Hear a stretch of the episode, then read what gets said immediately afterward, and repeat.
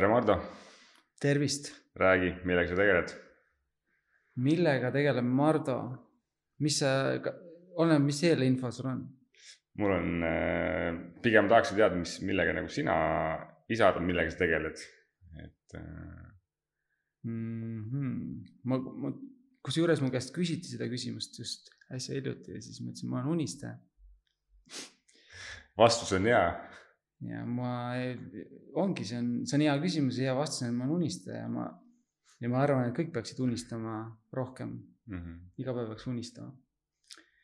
ma olin ise ühel koolitusel just juhendasin noori modelle siis ja, ja ma ütlesin, et unistu-, noh, kui ma ütlen, kes ma olen, siis mm -hmm. ma olengi unistaja, aga unistaja ilma mm, eesmärkideta ja ilma plaanida, kuidas eesmärke täita, on lihtsalt unistaja, et ära ole lihtsalt unistaja, siis ma olen rohkem kui unistaja. ma võtaks äh, paari lausega ennast kokku. ma olen endine sportlane. ma olen äh, ettevõtja, investor äh, ja, ja siis unistan palju. et see kõik viib sinna unistajani kokku? me enne, enne seda põgusalt enne vestlust sa ütlesid, et me oleme koos käinud trennis ja isegi yeah. sparrinud, siis ma arvan, et äh, minust unistajast planeeritud unistaja tegigi sport, et ma olen teinud viissada matši võistlustel kokku üle mm -hmm. Euroopa ja maailma ja, ja ka Eestis, siis äh, sporti ei saa teha lihtsalt.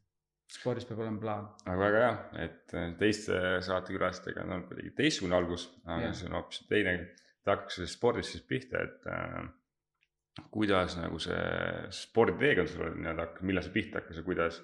ja ma panen kohe teise küsimuse otsa, et äh, kuidas on sul igapäevaelus nagu abiks olnud just see spordi tegemine mm? -hmm. jälle väga hea küsimus, see on selline, ma võiks rääkida sellest kaks tundi, aga ma võtan väga lühidalt. mu suguvõsas ei ole ühtegi sportlast ega ühtegi ettevõtjat.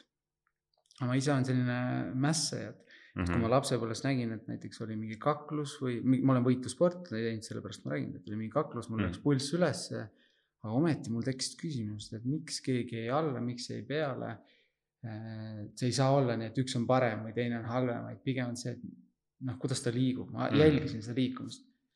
fotograafi ja kunstnikuga täpselt sama asi, et ma jälgin alati seda liikumist, ma ei tea, mis on valem, et ta jääks hästi jäädvustatud, aga mulle meeldib see, kuidas ta liigub, ma vaatan, analüüsin ja siis juhendan aga sport, ma olen igasuguseid naljakaid asju teinud, et kui ma olin noorem, ma mängisin korvpalli, jalgpalli ja samal päeval olid mõlemad trennid, et mm -hmm. kas siis äh, hiljem ma olen hakanud mõtlema, äkki ma põgenesin reaalsusest ja mulle meeldis see mäng ja sotsiaalsus või jumal teab, aga, aga kuidagi oli nii, et mängisin korvpalli, jõudsin võistlussporti, mängisin jalgpalli, võistlussporti, nii et ka heal tasemel siis hakkasin testima võitlussporte ehk siis karate ja sain aru, et tegemist on uhuu, et see ei ole õige asi tegelikult, see ei mm. ole reaalselt võitlusega seotud, aga mind huvitas just see reaalne võitlus. Läksin maadlusesse, sest maadluselemendid on väga olulised, kes mm. kontrollib äh, ruumi ja seda tasakaalu, see reeglina ka võidab mm,. siis jõudsin Brasiilian Jiu-Jitsusse, millest me mm. rääkisime ennem. et äh, siis mulle meeldis see, et seal oli hästi palju reaalsust. reaalsus on see, et kui inimene on, kui sa hoiad inimest maas, ta püsti ei saa tõusta, siis sa saad temaga igast inetuid asju teha seal mm. -hmm. ja ta ei saa ennast kaitsta. siis ma olen teinud ka MM-ad enne seda. ma olen käinud ka isegi puuris võistlemas. ja, ja kui sa küsid, kuidas sport on mõjutanud, siis väga palju. igapäevaelu. ma olen viissada fight'i teinud, ma olen kaotanud terve oma elu jooksul viisteist matši ja nelisada kaheksakümmend viis võitnud. ja aga ma võit-, ma õppisin nende viieteist kaotusega, et esimene Brasiilian Jiu-Jitsu matš Eesti meistrivõistlustel ma kaotasin. ja ma olin järgmine kord nagu kõpsti kohal. ja peale seda ma pole ühtegi matši kaotanud Eestis. olen, aga sain põlvevigastuse. aga kus sa, kui sa niimoodi mõtled, kas sa pigem rohkem õppisid kaotusest või võidust? kaotusest, et võit Euroopa meister kaks tuhat neliteist, viiskümmend kaks inimest minu kaalus ja ükski pole juhuslikult tulnud proovima, kõik on masinad seal äh, Portugal, Portugalis kaks tuhat neliteist mhm ja need kõik on masinad ja võita neid, seal on vaja süsteemi, seal on vaja lihtsalt pidada terve päev vastu. ja käsi tõuseb üles, kuldmedal pannakse kaela, üks-kaks sekundit on tore olla, aga sa ei õpi sellest midagi. no kui sa kaotad, siis sa oled selle ideega kuid, sa ärkad. sa hakkad analüüsima seda. sa analüüsid, sa vaatad sada korda oma treeneriga läbi, tuhat korda ise veel üksi ja mõtled, what if, kui ma oleks sealt liikunud, teinud seda, teist.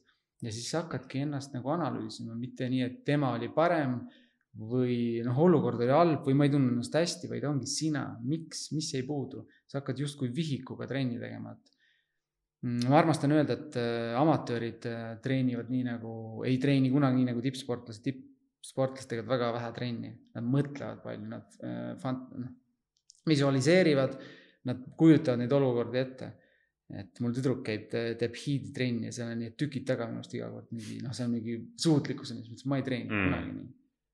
et sa ei tohi ennast ära kulutada, sa pead kogu aeg terav olema, et sport on mind just läbi nende kaotuste õpetan nii, et kui kaotad, siis kaotus ei ole kaotus, kaotus on justkui tagasiside, et mees, tee see asi paremaks. ega see läbikukkumine, et inimesed ja. nagu kardavad läbi kukkuda äh,, fail ida, aga tihtipeale need ongi need kohad, kus sa õpid, edasi liigud. kui ma toon näiteks nagu MMA, siis mu esimene matš oli puuris kohe mingi Soome mingi väga hea võitleja vastu ja ja ma kaotasin äh, kägistusega, kuigi ma lõin tal rangluu puruks boksis ja, ja mis iganes seal kõik juhtus, aga ma kaotasin ja ma olin järgmine kord äh, trennis mitte lihtsalt kohal, vaid ma olin nagu ettepoole nõjatanud, siis ma tahtsin näha, mis asi see Brasiilia jiu-jitsu on. kaks aastat hiljem ma olin Euroopa meister, ma olin Euroopas topis, et äh, olin Baltikumi meister, Soome meister, järjest läks, see nälg oli ja kunagi ma ei praalinud, oh, ma olen tšempion, see teekond oli nii, et ma vaikselt nokitsesin, tegin et see ei olnud kunagi, et ma arvasin, et ma olen tegija, ma ei tea, kui ma trennis käisin, kas sul jäi selline mulje, et ma olen mingi boss seal? ma näen, et selline sõbralik, küsib keegi. huvitav on see, et ma mäletan trennist äh, esimene kord tundus sihuke nagu üleolev mina või? noh, seda on hea ta kuulda. et äh, huvitav. see, et äh, see oli, see oli, ma arvan, palju see tagasi oli, mingi neli aastat, viis aastat, midagi sihukest. mulle tundus esmapilgul, siis hakkasid nagu inimesed, hakkasid nagu rohkem, nii palju kui rääkisime seal paar sõna võib-olla oli seal trenni jooksul et äh, siis nägid, et mis see tegelik taust on, et ei ole, mina ka ei nagu võta inimesi eelarvamuse, ei tekita mm -hmm. mingeid eelarvamusi, et hakkad suhtlema, vaatad, mis inimene on ja siis saad aru. vahel ma ise tunnen, ma olen seda kogenud ja, ja, ja sa ei saa teiste eest tunda ja teiste arvamusi. Tagasiside on üks imeline asi, tahad midagi paremaks teha, kuula, mis teised mm. räägivad. ja, ja ma olen väga palju kogenud seda, et kui kellelgi läheb sinust paremini siis äh, arvatakse kohe, et ta on upsakas või halb.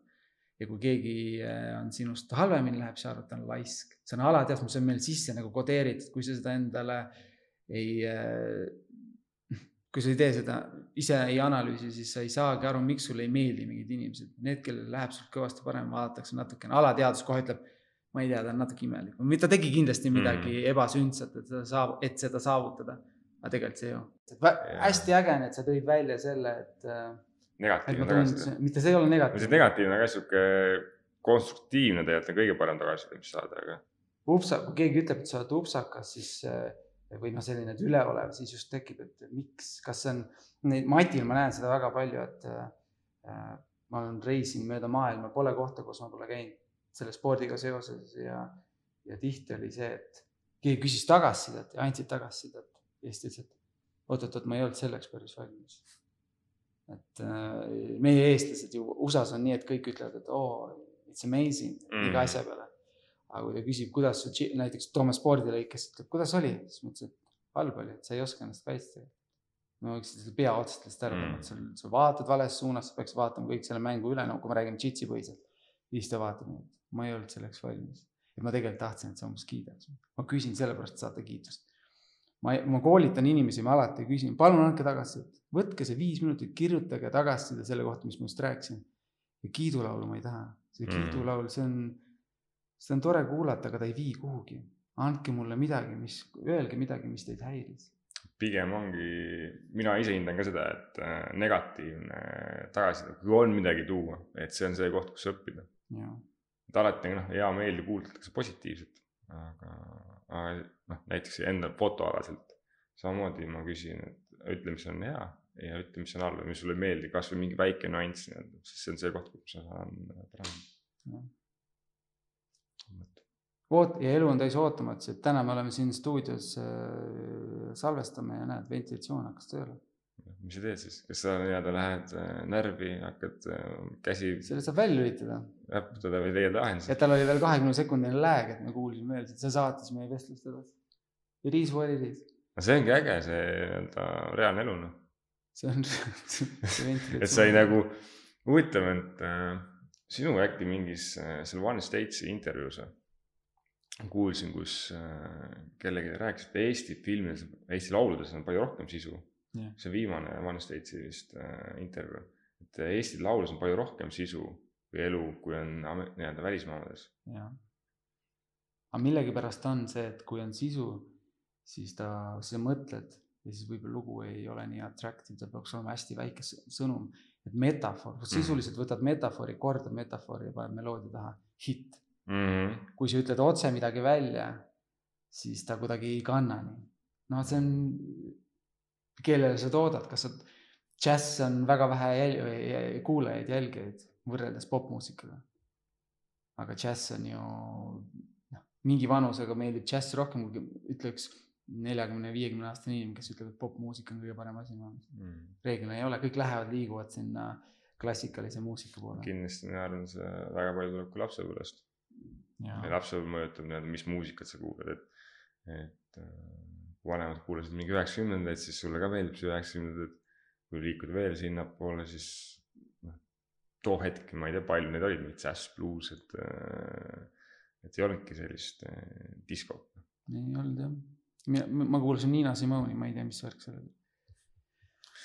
vot, aga, aga sport, aga mis sa lisaks nii-öelda siis sporti teed, aga kas täna ka aktiivselt spordiga tegeled? Mm, ma ei tegele enam võistlusspordiga kolm aastat, sest äh, ma võtsin selle teadlikult selle otsuse vastu, et ma panen kogu selle energia ja edu, mis seal õhtus mm -hmm. ettevõtlusse. ja päris äge, et seda mm,, ma teen võib-olla niimoodi, et kaks korda nädalas käin sparrimas hommikuti, näiteks homme kell seitse kolmkümmend hommikul olen ma juba Matile müranud tund aega mm -hmm. kuni kaheksa kolmkümmend ja üheksast olen juba koosolekul, et äh, ja see päev on nagu tohutu edukas päev, aga ma teen igapäevaselt hommikul üles ärgates sada üksteist kätekõverdust ja sada kakskümmend kükki. väga hea, ma siin siia sõites mõtlesin mingeid küsimusi, no ikka tekib juba peas, hakkad neid küsimusi küsima. et on sul mingi kindel, kas päeva, hommiku, õhtu rutiin? et hästi paljud edukad inimesed äh, siis loovad omale mingi rutiini tihtipeale. see võib olla ka see, et sa hommikul ärkad üles, jood mingit ma ei tea, klaas sidunud vett, et kas sul on mingi kindel nädala või päeva rutiin? et kui ja. sa siin hakkasid rääkima sellest äh, rutiinist. on, on, on, aga see rutiin on ka selline, et ta ei, ma, see on ka nagu, ma ei ütle, et mul on mingi list, mida ma täidan, aga ma ärkan üles, ma panen äratuse, ma pole vist kümme aastat kella edasi pannud. niimoodi, et, et sa paned äratuse mm. edasi sest äh, ma armastan öelda, et kui sa tead, mida sa hommikul teed, siis sa ei taha sellest ilma jääda ja sa ei, miks edasi magada. et kui sa tead, täna hommikul oli mul, täna hommikul näiteks oli mul pandud ühes kohvikus laud kinni ja mul ühel parimal sõbral oli, ühe, ühel parimatest sõpradest oli sünnipäev, siis ta mm. oli üllatus, et ta ootas seal väike koogitükk küünalt ja kingitusega. ta ise ei teadnud seda, see oligi üllatus.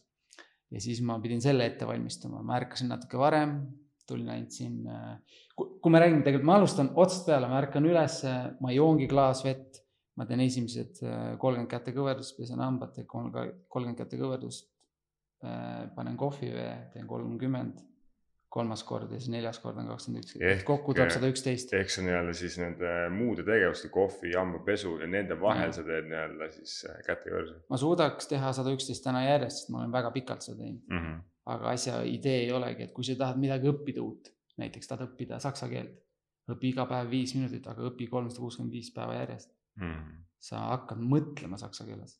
kui sa terve päev nagu teed viis tundi õpid saksa keelt, sul on tuju ära, et see sada üksteist kätekõverdus, see number on nii väike, et ma võin teha seda pensionipõlveni. kui paljud sõbrad on küsinud, aga mis sada üksteist nalja teed, ma teen kuussada, teeb viis päeva ja siis tal on juba põletik äh, küünarliigestes ja ja see võtab nii kaua aega mm, -hmm. väiksed asjad. et see on väga oluline.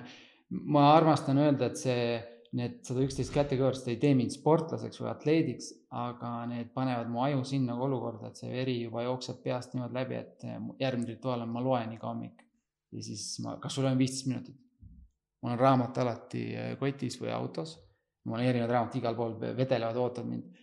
ja kui ma selle ära olen lugenud, siis, siis see Mardo, kes hakkab neid strateegilisi otsuseid vastu võtma, hoopis teine inimene, inimene, see Mardo, kes on joonud klaas vett Äh, siis ma teen alati hommikul midagi oma kaaslasele, kas ma teen kohvi või ma pühendan talle mingi mm. minutit ah,. enne seda, kui ma avan meilid või teen mingeid tööasju. ma korra küsin, miks sada üks istust kätekõrres, mis tähendus sellel on? tundub sihuke juba tähenduslikkus no, ma ei tea, võib-olla mõne jaoks on see vale, liiga puu-puu, aga mul naine usub inglitesse. Ja seal on ingli numbrid sada üksteist, mina ise ei usu. aga see on selline number, et see on selline nagu call out, hästi jääb meelde, üks, üks, üks. sa pead mõtlema, kas sa ei tee kindlat arvu lihtsalt, et teed äh, sada üks, teed sada kakskümmend kätekõverdust või teed kolmkümmend, kolmkümmend, kolmkümmend ongi, et on kolmkümmend, kolmkümmend, kolmkümmend, kakskümmend üks. ja mõtled, igaüks teeb nii, kus soovib. see kakskümmend üks on nagu magustoit seal ja nii-öelda kolmkümmend, kolmkümmend, kolmkümmend ja siis on kakskümmend üks. Äh, järjekorda võib, järjekorda võib muuta ka, aga noh, see kolm, kui sa teed niimoodi igapäevaselt juba aastaid, siis äh, seal ei ole, et sa nagu füüsiliselt niimoodi mm., et sul ei, see ei higista, see on, kolmkümmend kätekoorist ei ole väga raske teha. palju sa jõuad kätekoorist teha? mina? Pole ammu teinud, aga ma arvan, sihuke järjest, noh, ma ei viitsi valetada, aga ma olen viiskümmend kuni seitsekümmend äkki mm, -hmm. see vahemik. aga palju sa suudad teha? Pole proovinud ammu, ütlen ausalt. jõudmise, suutmise vahe ongi see, et kui ma praegu paluks sul teha, võib-olla teedki viiskümmend mm, -hmm. Siis rohkem ei jõua puhkad mingi kakskümmend minutit, teed uuesti viiskümmend, teed viiskümmend ja niimoodi tunniajaste puhkamistega sa võid päevas tuhat teha.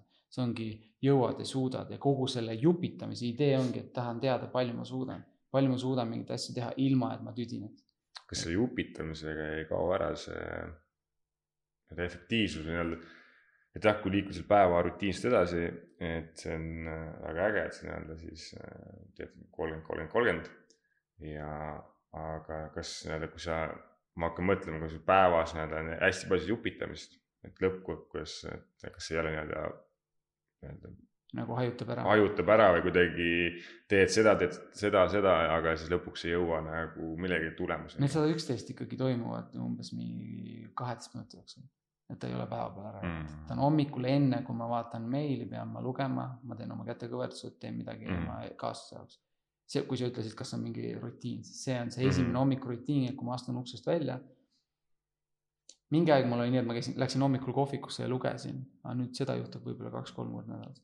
ma olen kaheksast, ma olen püsiklient kell kaheksa olen nopis ja loen. Äh, täna ei olnud siis seda, sest sõbral oli siis mm. -hmm.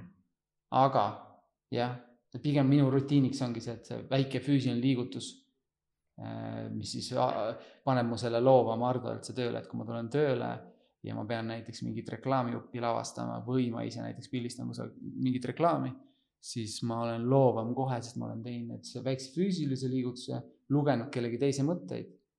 see on noh, ma olen ise leidnud selle, et ma, ma ei, tihti ei söö hommikuti ja see, ma olen aktiveeritud, see töötab minu puhul, keegi ei saa öelda, et ma võtan sinu mustri, nüüd mul läheb hästi.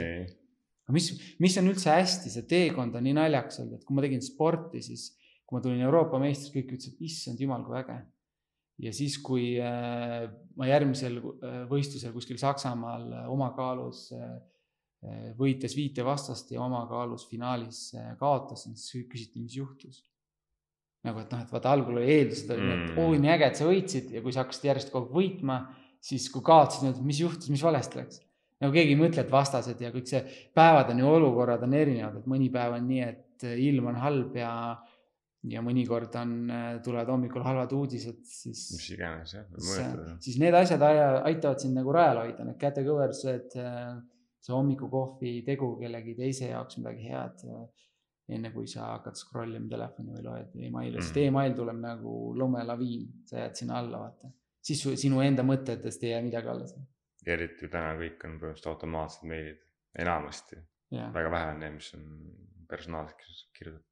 jah et see on äh, rutiin, äh, ma ei nimeta seda rutiiniks, et äh, nagu ma ennem ütlesin, ma olen unistaja, ma olen valimatult elanud terve elu, nii et sporti ma ei teinud kunagi, ma sain küll sellest nii-öelda palka, onju, mul oli sponsorid, aga ma ei kunagi ei olnud nagu töö mm. -hmm. ma mhm. pildistasin nädala sees mingi TV3-le või siis Stockmannil reklaami õhtuks, nädalavahetuseks lendasin Iirimaale laagrisse ja siis tulin tagasi, lendasin Saksamaale võistlemale ja siis tulin tagasi, läksin Moskvasse võistlustele. siis üks hetk oli, olid LA-s maailmameistrivõistlustel, samal ajal lendasid tagasi, oli kaks nädalat filmivõtetel, fotograaf. täielik nagu väike laps lasteaias, terve elu olnud siiamaani. et ja see hetk, kui ma sporti tegin, siis ma tundsingi, et äkki ma olen nagu mugavustsoonis. aga kas sa oled mõelnud selle peale, kuidas on nagu, noh, päris paljud inimesed unistavad nagu sellises elus, et saavad ringi reisida, nad saavad teha, mis neile meeldib. et äh, aga kuidas sa nagu jõudnud oled selleni? kindlasti on, ma arvan, selle taga ka mingi töö, mis äh, lava taga nii-öelda, mida võib-olla inimesed ei, ei pruugi näha või jah, kuidas inimesed jõuaks selle siis unistuste eluni mm ma, unistustest on äh, asi kaugel, sest ma arvan, või noh, unistuste elust minu puhul on väga kaugel, sest ma arvan, ma olen oma podcast'is ka öelnud, ma olen oma elus saavutanud viis protsenti. ja ma tahaks iga päev nagu saada sinna mingi null koma null ühikut juurde, mind, mind nagu justkui hirmutab see, et kui ma olen homme sama Mardu, kes ma olen täna nagu no,. ei, asi peab edasi liikuma.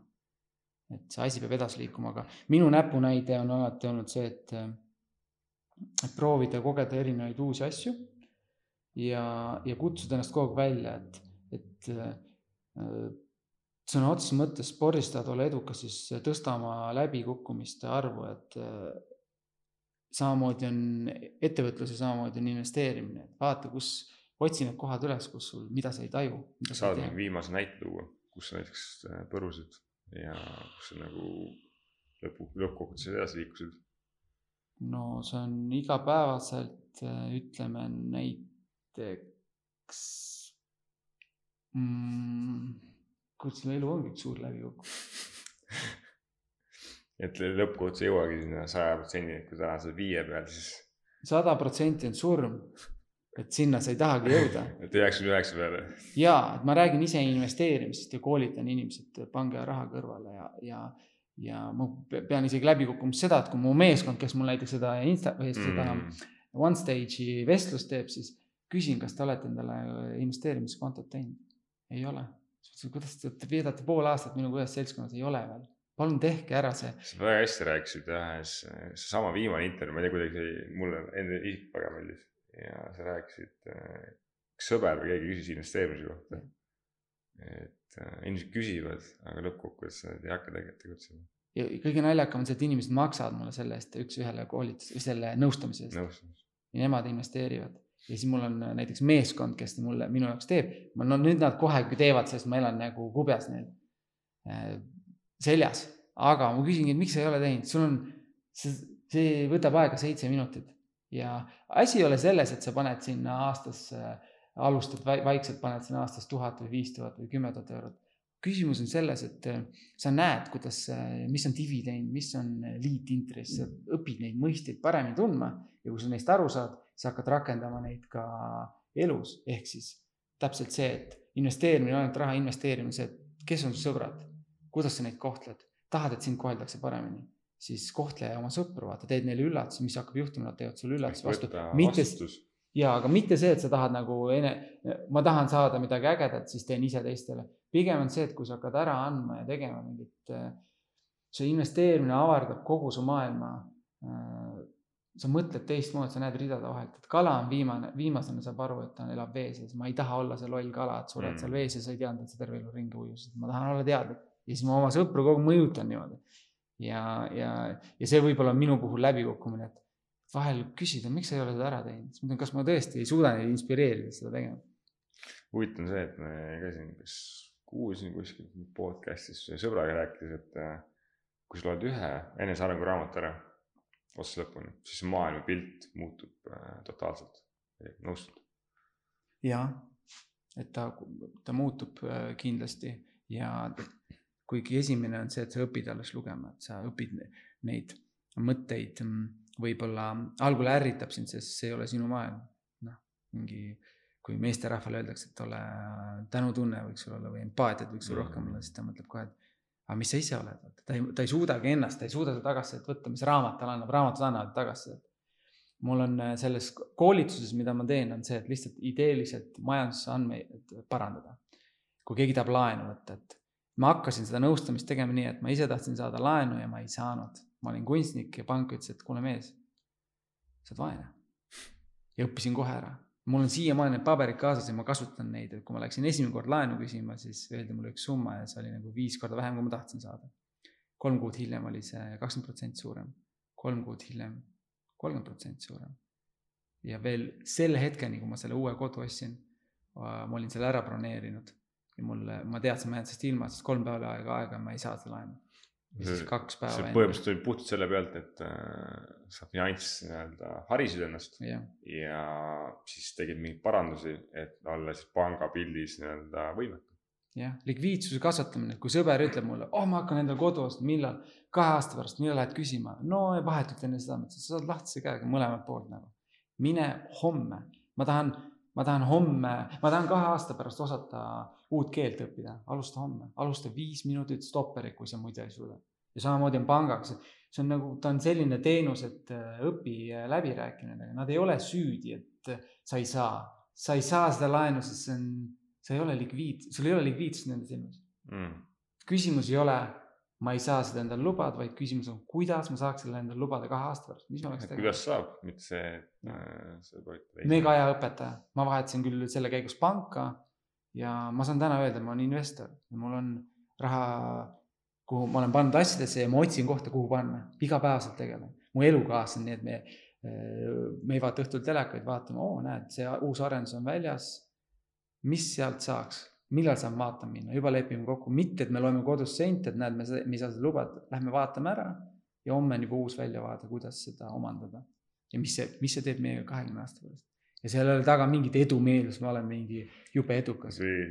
eile jõudsime Tallinnasse ja sihuke huvitav näide, et äh, inimene ostis jäätise, üks tuttav mul ostis jäätise ja kaugelt nagu kuskilt trennist nii-öelda. ja siis, et äh, kurat, et see jäätis oli kallis kaks viiskümmend maksis, poes on üks viiskümmend mm.. aga, aga inimesed ei näe nagu seda suuremat pilti, et äh, seda saaks selle sealt kätte. sellel kohal on ka vaja nii-öelda omal mm. kulusid katta. et ja kui sa niimoodi vaat-, hakkad mõtlema, siis tegelikult see jäätise hind ei olegi nii kõrge. samas me maksime auto parkimise eest, noh mitte millegi eest viis eurot nii-öelda, et. Äh, see on kõik nagu pigem ongi see enda eneseareng ja rahast kinnihoidmine, see on energia lihtsalt, et kui, kui, kui Mardu kümme aastat tagasi sai parkimistrahvi, siis see häiris mind vähemalt äh, mitu päeva. ma tundsin justkui mul tuleb midagi ära võtta, täna on nii, et arigato out, see on lihtsalt, ma olen ma olen äh, raha jätnud sinna-tänna, veel täna on mul väga lahe, üks Amazoni toode, mis me viime Amazoni turule mm -hmm. maailma siis on järgmise toote arenduskoosolekus tehakse selle disain ja see disain ei maksa vähe. ma annan hea meelega seda raha välja, sest ma tean, kuidas see tagasi tuleb. see ongi see, et sa õpid kõigepealt andma. siin käid, siin kehtib üks selline näide, et kas sa jätad äh,, lähed restorani, koged kõige paremat teenindust ever ja siis jätad tippi, sa oled õnnelik, ma jätsin mm. või sa lähed restorani, saad okei okay teeninduse, jätad väga suuremeelse tipi järgmine kord, kui seda restorani külastad, nad teavad sinu maitset, nad teavad, kes sa oled, nad teavad. proovi nii, et sa jätad tippi enne. ma ise seda ei ole teinud, aga mul on tuttavad, kes on nagu tippi ennem andnud, enne kui nad on toidu tellinud. vaata, mis toimub. no see on ka päris huvitav, et see, see kehtibki, investeerimine ongi see justkui tipi jätmine. et äh, kõik, noh, kui me ei räägi rahast, räägime näiteks sõpradest, et kellega sa, kes sul õhtul äh, kes sul külas käib, kellega sa õhtus sööd pere, perekonna, noh, nad peegeldavad väga palju sind mm, -hmm. et sa, need asjad ei juhtu, kui sa ise neid ei korralda. kui ja. me räägime investeerimisest, siis. kui investeerimisest, rahast rääkida, siis vähemalt mina näen, see on minu arvamus, et hästi palju üks suur põhjuseid, miks äh, peretülid tekivad, mingid lahutused, äh, on raha. et just nagu enda tuttava, tutvusringkonnas ja aga mis sa arvad, kas ta tekib sellest, et kas seda pole või on see, et nad omavahel käib võistlus, et perekond ei ole justkui üks, et mingi vana traditsioon oli see, et mees nagu hoiab kõike enda teada ja ta tahab, et ohjad oleksid äh, tema käes, et äh, mina arvan, see on minu arvamus ja ma olen üldse tugeva arvamusega, igal pool arvan, aga mina arvan, et äh, näiteks mu ema on kaubanduses, juhib kaubandust, tal on sadu, sadu, sadu, sadu alluvaid, paarsada Mm -hmm. Ja siis tal on alati see probleem, et äh, ikka kaubanduses on vaja leia müüjaid, onju. siis ta kirjeldab neid müüjaid, et noh, nii raske on leida, et et kirjeldab ühte naisterahvast, tema elu, et näed, tal oli nii hea mees, et kõik ma, ta maksis tema eest ja ostis talle elamise ja nüüd nad elavad koos, kõik on tore ja laps sündis ja siis läksid lahku. naisel polnud midagi. siis ma ütlesin, õige mees ei tee kunagi niimoodi, et tahab endale koju endale mingit pärisorja, kes lapsi tal kasvatab. õige mees on nii, et eh, ta juhendab kogu aeg oma naist, et, et me oleme küll koos, aga kuidas tema oma tuludes, tuludega saaks maksimaalselt endale tagada suurepärast elu, et eh, noh, mõistad, ta kuhu investeerida, mida ostame, mitte see, et ma nagu lihtsalt hoian teda, ta on minu jaoks. see on nagu kohutav. nagu mingi mänguasi. jah, teed kõik välja, viid reisima sinna-tänna ja kui minnakse lahku, siis on okei okay,, nagu Suur-Peeter ja Väike-Peeter, sina nüüd pane oet edasi ja mina edasi. et pigem on see, et me peaksime, et seda, seda võistlust ei tohiks olla. olema mõlemad nagu iseseisvad. just, imeline, kui su kõrval on, sest see, kellel sa annad nõu, annab sulle õige pea ise nõu mm. ja see on see kasvamine hoopis, hoopis teine. mina arvan ja ma olen seda näinud, et mehed tahavad jubedalt kontrollida. aga tihti on vaja just naiste seda otsustusvõimet, mingit, ta näeb korra kõrvalt teistmoodi, võib-olla kriitiliselt.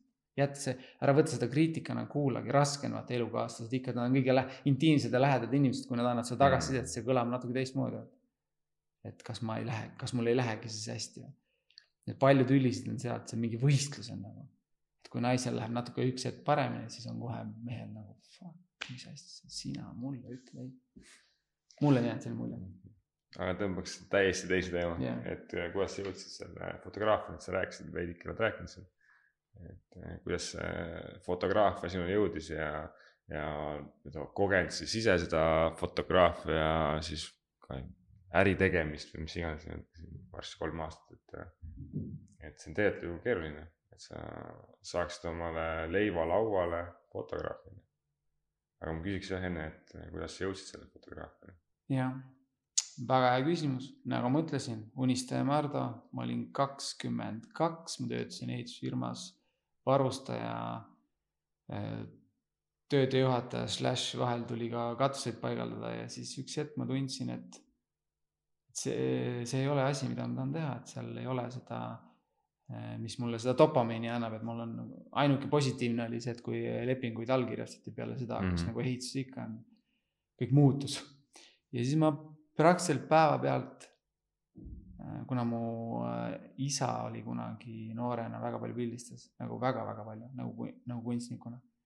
ja siis ma lihtsalt võtsin kaamera kätte ja otsustasin, et ma teen sellest oma karjääri, et ja uurisin, mis, mis see laiem ampluaa ei ole ainult see, et sa pildistad ju äh, inimesi, see on see toode, reklaam, kõik see on tohutu maailm. ja tegin, visualiseerisingi. täna tegelikult ongi fotograafia on ju arvuti pluss noh, seal ongi pooleks põhimõtteliselt, mis sa teed arvutiga, mis on nii-öelda siis kohal hetkel nagu Just. seal lood.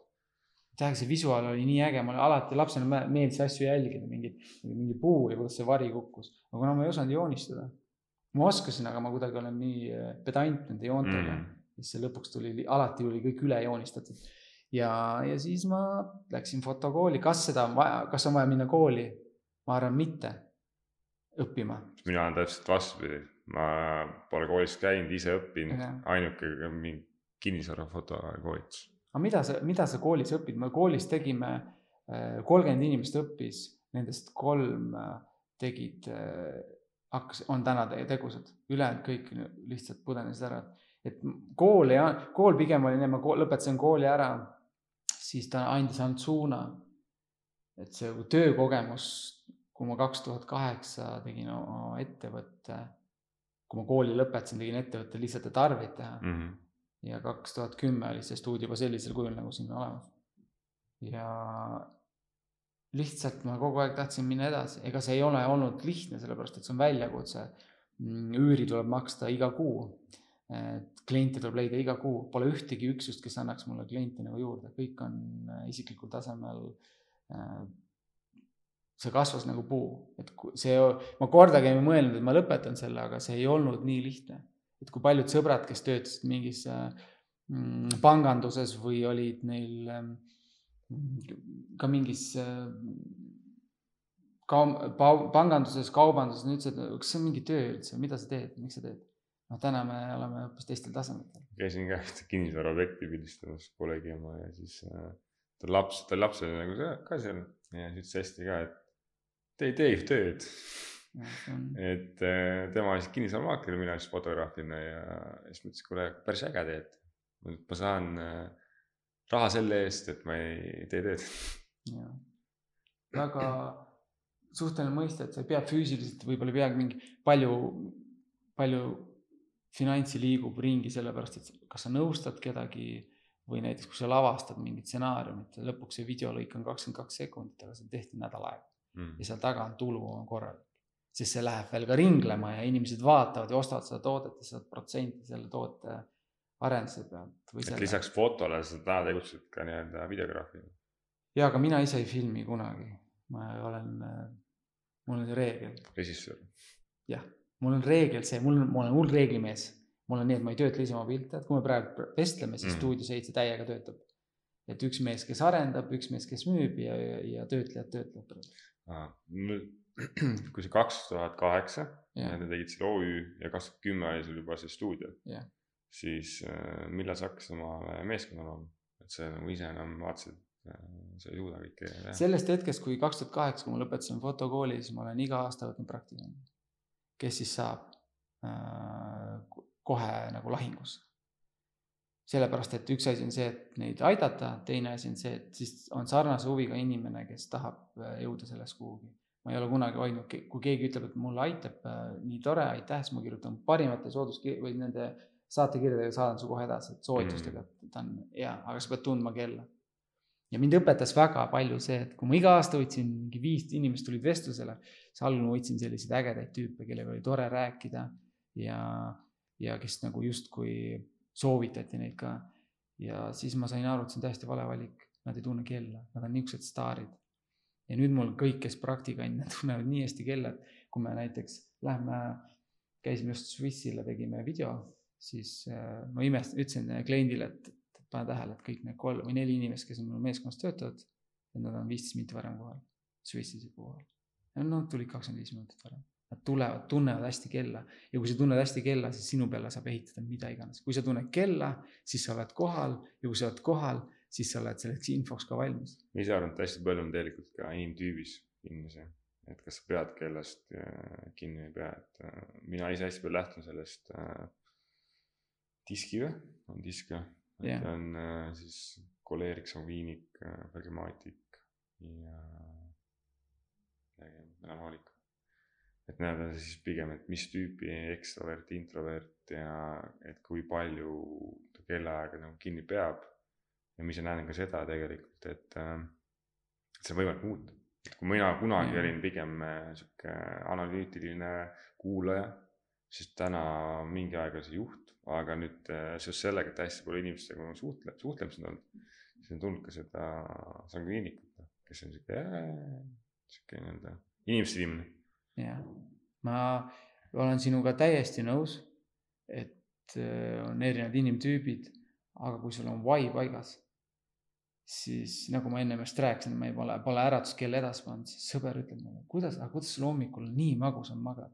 siis ma ütlen alati, et kui sa teaks, kellega ma järgmine hommik hommikusse söön, sa ärkaks kaks tundi varem, valmistaks selle vestluse ette, mis sa ta käest küsid. Mm. see lihtsalt mul on see hirm kogu aeg, et ma jään millestki ilma, aga positiivne hirm, et, et äh, ma naudin täiega inimestega vestlemist, suhtlemist. ja kuidas saaks täna, mitte see, et äh, midagi juhtus, nüüd on halvasti, vaid pigem analüüs, mis saaks teha paremini, kellega ma võiks kont-, kontakteeruda, kes teeb minust parem seda teemat. ja kui sa küsid, inimesed kohe aitavad. mismoodi sa nagu lähened inimestele, et äh, ma arvan, et inimesed mõtlevad küll, et äh, tahaks nagu kellegi poole pöörduda tahaks rääkida temaga, aga pigem jätavad see tegemata. No see on täpselt seesama praktiseerimine, et äh, kuidas ma hommikul neid kategooriasid teen äh,, kuidas ma ikkagi äh, loen iga hommik, et kuidas sa selle aja võtad, Mardo, kuidas sa leiad selle aja, et lugeda iga hommik raamatut, et mul ei ole aega, ja siis hakkad küsima, mis nagu inimene teeb. jah, Elon Musk loeb iga hommik, mediteerib iga hommik, viib ühe asja sajani, tuleb tagasi nullini, viib järgmise asja sajani, tuleb uuesti tagasi, viib nullist jälle sajani ja sina ei saa siis, sest mul on lapsed või mul on ju see, mul on laen mul on see kiire. mees, hüppa mugavustsoonist välja, võta vastutus. kas sa otsisid vabandusi või lahendusi? jah, et see läbikukk-, tõsta oma läbikukkumiste arvu päevas ja sa elad sellist elu, et sul on kogu aeg nagu lõbustuspargis. kui sa ei võta ühe nädala jooksul midagi ette ja ei kuku ka läbi, siis, siis ei ole ka, sa ei naudi seda mm. raidi. sulle, ma pidin just kirjutama oma ideaalse päeva äh, paberile siis seal peab olema kakskümmend viis protsenti läbikukkumist, siis see on nii äge päev. miks? sellepärast ma justkui pean vahepeal kastanid tulest välja tooma ja me saame inimesena alati kõige suurema kaifi, kui me peame natuke riskima. meie päevas on uudsust, äh, tuttavat mustrit ja äh, noh, risk ja hirm on justkui üks sama asi, aga natuke ka hirmus. Sest see teebki elamisväärseks päeva, et sa ei tea, mis täpselt juhtub, kui sa planeerid. tekib emotsioon, mitte jälle see, et sa lähed kell üheksa kontorisse, teed seal oma tööd emotsiooni ei ole, siis vahepeal lõuna teed ühe kohvi, oh kohv oli päris hea, natuke tekkis emotsiooni ja siis kell viis lähed koju, teed trenni, siis on lapsed. et jah, luua seda nagu mitmekülgskus, külgsuspäeva või siis. see struggle toimub, see eksisteerib igal juhul, et ta ei tohiks sulle tulla üllatusena, et me elame sellises maailmas, kus juhtuvad, kui uudiseid lugeda, siis koledad asjad, need juhtuvad igal juhul nüüd on küsimus selles, et kui investeerimis selles koolituses, mul alati küsimus, et äh, mis homme, kui päike loojub, mis homme mm. hommikul juhtub? päike tõuseb, on ju. aga kas sa oleksid nagu valmis panema äh, oma elupanti või kümme miljonit, homme hommikul tõuseb päike ja sa näed seda? hakkad mõtlema, äkki mul juhtub öösel õhtul, lähen bussi alla, ma ei tea, ma ei, ma ei ärkagi mm. -hmm. kohe on risk ja enam inimesed ei julge selle peale panna mingit panust aga ometi siit tagasi iga päev päike tõuseb, loojub, päike tõuseb, loojub. et ka kardetakse, kui ühte fakti nagu kõva häälega välja öeldakse, et kohe hakkab hirm, et äkki ei ole, noh. põhimõtteliselt nagu see koroona oli, et palju nagu meedia pigem puhus seda nagu negatiivselt välja. tegelikult oleks võinud öelda, mis on hästi. Noh, ega see oli ettevõtjana, see oli mega hea koolitus millele järgnesid ka veel super äh, riigi toetused, õppisid üldse, mis asi on toetused, kui, kuidas üldse suhelda riigiga. Ja minu meelest riik sai esmakordselt hästi hakkama selle, vastakuid äh, arvamusi on, aga mina ise näen seda, et esimest korda viimase kahekümne aasta jooksul pidi valitsus näitama, et nad teevad tööd, sest need mehed ei maganud öösel ka. et mina arvan, ma ei ole, ma olen apoliitiline mm, -hmm. aga hästi tehtud respekt, et see on töö, isegi see, et äh, kuidas inimestele, kuidas muud riigid andsid infot, kuidas näiteks Venemaal info jookseb inimesteni, mis juhtub, mis päriselt tegelikult keegi ei tea. Mingid numbrid seal kirjeldatakse, aga mm. keegi ei tea, see Eesti andis, andis hästi seda asja edasi ja ettevõtjana ma no noh, see, et nagu ütlesid, ma olen sportlane või sportlane, fotograaf, ma ei, see fotograafi ma tahaks jätta sinna kümne protsendi peale ma olen ettevõtja, ma vahendan asju mm., ma vahendan äh, spetsialistide tööd ja tulevik on see, et ma vahendan spetsialistide tööd. loon content'i ilma, ilma, ilma ise kaamerat. mis on tegelikult kõige parem äh, äri. et ma ei puudutaks midagi ja mulle meeldib see, et inimesed kasvavad ja kui nad on paremad kui mina, nad täpselt lähevadki edasi. tuligi see küsimus just meelde, et, äh, et noh, Eestis, võib-olla ka välismaal on see, et pigem nagu ettevõtte juht või siis omanik tahab nagu ise teha asju yeah.. ja ta ei taha nagu anda seda vastutust või ka, või siis ka nii-öelda seda jah, vastutust teistele. et, äh, et kuidas sul tekkis see, et sa hakkasid oma seda meeskonda kasvatama, vaid sa hoidnud kõike endale ja ka koostöö nii-öelda mingid äh, sama valdkonna tegijatega et mulle tundub, et hästi Eestis, äh, võib-olla ka välismaal on hästi palju seda, et inimesed nagu ei taha teha koostööd või anda nagu seda vastutust, vastutust või ka võimalust nagu teistele. et, et kuidas, kuidas sul nagu see kogemus nagu tekkis, et sa hakkasid nagu meeskonda looma ja koostöö, koostööga võib-olla teiste partneritega? Ja minu enda kliendid, et millest sündis ka OneStage, kui ma räägin natuke põhjalikumalt, ongi see, et mu töö on see, et ma olen põhimõtteliselt kaksteist aastat Eesti artistidega koostööd teinud põhikliendid on üheksakümmend üheksa protsenti on äh, ettevõtjad, äh, ettevõtted, ettevõtted, ettevõtjad, ettevõtted, artistid. ja iga kord sellele pildistamisele või sellele salvestamisele käib juurde see, et me räägime, me vestleme tund aega enne, tund aega pärast. ja, ja siis sa õpidki, kui mu esimene suur klient oli TV3 kaks tuhat seitse aastal äh, Eesti otsib superstaari, ma olin seal ametlik fotograaf. peale seda me oleme, nüüd on siis juba kolmteist aastat külg külje kõrval. Nad on need, tšau, kuidas läheb. nagu tippjuhist kuni mm. turundusjuhini. me suhtleme selle väliselt ka ja niimoodi on kõikide klientidega Uit. ja nende käest õpidki, sest nad on mega edukad inimesed ja sa hakkad käituma nii, kui sa noh, su kodu kujundab sind, su sõbrad kujundavad sind, see, mida sa sööd, kujundab sind, keskkond, kõik see ja see töökeskkond, ma alati küsisin. ma ei, ma ei tee nalja, kaks tuhat üksteist ma pildistasin Rain Lõhmust, tema enda LHV kontor, see ei olnud veel valmis ehitatud, tema ei teagi, kes ma tõenäoliselt olen, kuigi noh, põgusalt ta tegelikult teab, sest me oleme hiljem ka suhelnud. aga me istusime tema kontoris põrandal maas, jõime kohvi. ma tegin, tegin tast ühe ajakirja jaoks portree see portree portreeks, aga mit, kuidas ta mõjutas minu elu äh, kaks tuhat üksteist aastal, kui ma läksin koju ja ma arvasin, et ma olen tegija, vaata. ja saad aru, et tegelikult see on miinuses, sada, see sada protsenti on väga kaugel mm., aga ma ei ole jõudnud veel ühe protsendini. ja ma hakkasin kirjutama oma mõtteid, et mis, mis mind ärritab, mis mulle rõõmu teeb. väga palju on abi sellest, kui sa võtad mõtted peast välja ja paned nad paberile, et seega need ongi sealt see kogu värk tulebki, et ma näen, kuidas teised, kuidas mul see mõte tekkis, sellepärast et mul on sellised mentorid. mul on, äh, ma teen Rootsi suud, suursaatkonnale tööd ja suursaadikuga saan tund aega enne, läksin varem kohale tiksuma, räägime, joome kohvi.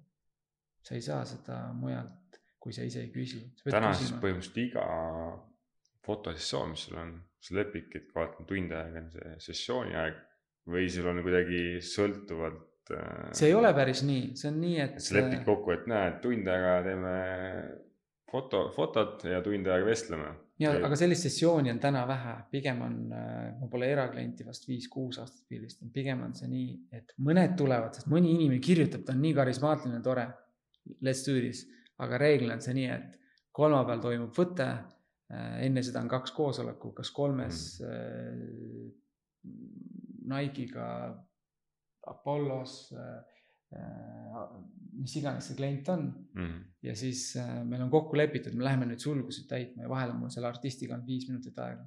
aga kuna me oleme põgusalt enne juba tuttavad läbi nende muude shoot ide, me läheme sinna, tšau, kallistada, kuidas läheb, kuidas lapsel läheb, see, teine, aa, kuule, tead ma tegin, tegingi selle ära, mis sa soovitasid, selle konto või investeerimise asja, aa, jumala lahe, vägev, pildistamise viis minutit, saad nii maha lasta, saad kõige parema asja, sest see jää on nii ära sulatud mm. -hmm ja tihti on nii, et ma saan tagasisidet, aitäh, Mardu, et selle info eest, siis ma ütlen, kas sa teed nalja, et sa ei kujuta ette, kuidas, mida sina tegid minu elu kümme aastat tagasi. see ongi, et mentor muutub tihti õpilaseks ja siis nad vahetavad kogu kohti. on ju mingi ala, alakoht, alavaldkond, kus ta, ta on sinust, sinust tugevam ja see ongi mitte see, et mul läheb halvem, vaid mis sa arvad, näe, mul on see hetkel, ma mängin nende reeglite järgi, kas saad mind aidata, ütleb kohe muidugi tead, Mardu. oled sa mõelnud selle idee peale, sa oled vastuvõtlik ja, ja küsid küsid, kuidas, küsi, küsi, küsi.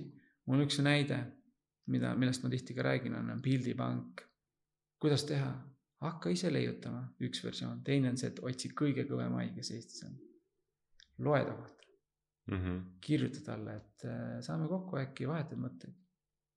ja siis sellest võib veel kasvada tohutu sõprus, minu puhul oligi, ma sain, kes tipptegijaga kokku, ta, ta, ta kohe tegi mulle otsetee, ütles, et ära tee seda, ära tee seda, ära tee seda. kunagi üks, ma nimesti ei nimeta, üks Eesti tippfotograafe, kes, keda me ei näe, et ta on kuskil, oo, et tema tegi selle pildi, aga ta, ta tegi tööd, teenis raha, investeeris, täna on üks väga-väga suur aktsionär. ma nimest ei nimeta, sest noh, ta ise tahab ka, et see oleks mm, -hmm. ta ei taha seal top viiesajas avalikul, tema, tema tegeleb sellega, et see kunagi ta ei oleks äh, Äripäeva topis, vaata. et see ei oleks näha. seepärast ta tahab rahulikult elada, ta ei taha teada, kes, millega ta, mis autoga teda ei huvita see kuulsus. aga mis kuulsus see ongi? parem on olla mittetuntud äh, ja jõukas kui tuntud ja vaene, sest kahjuks on nii, et enamus Eesti jõu-, tund-, nii-öelda tuntud inimesed on see mm. don't get bored to look rich, et see ei ole hea asi.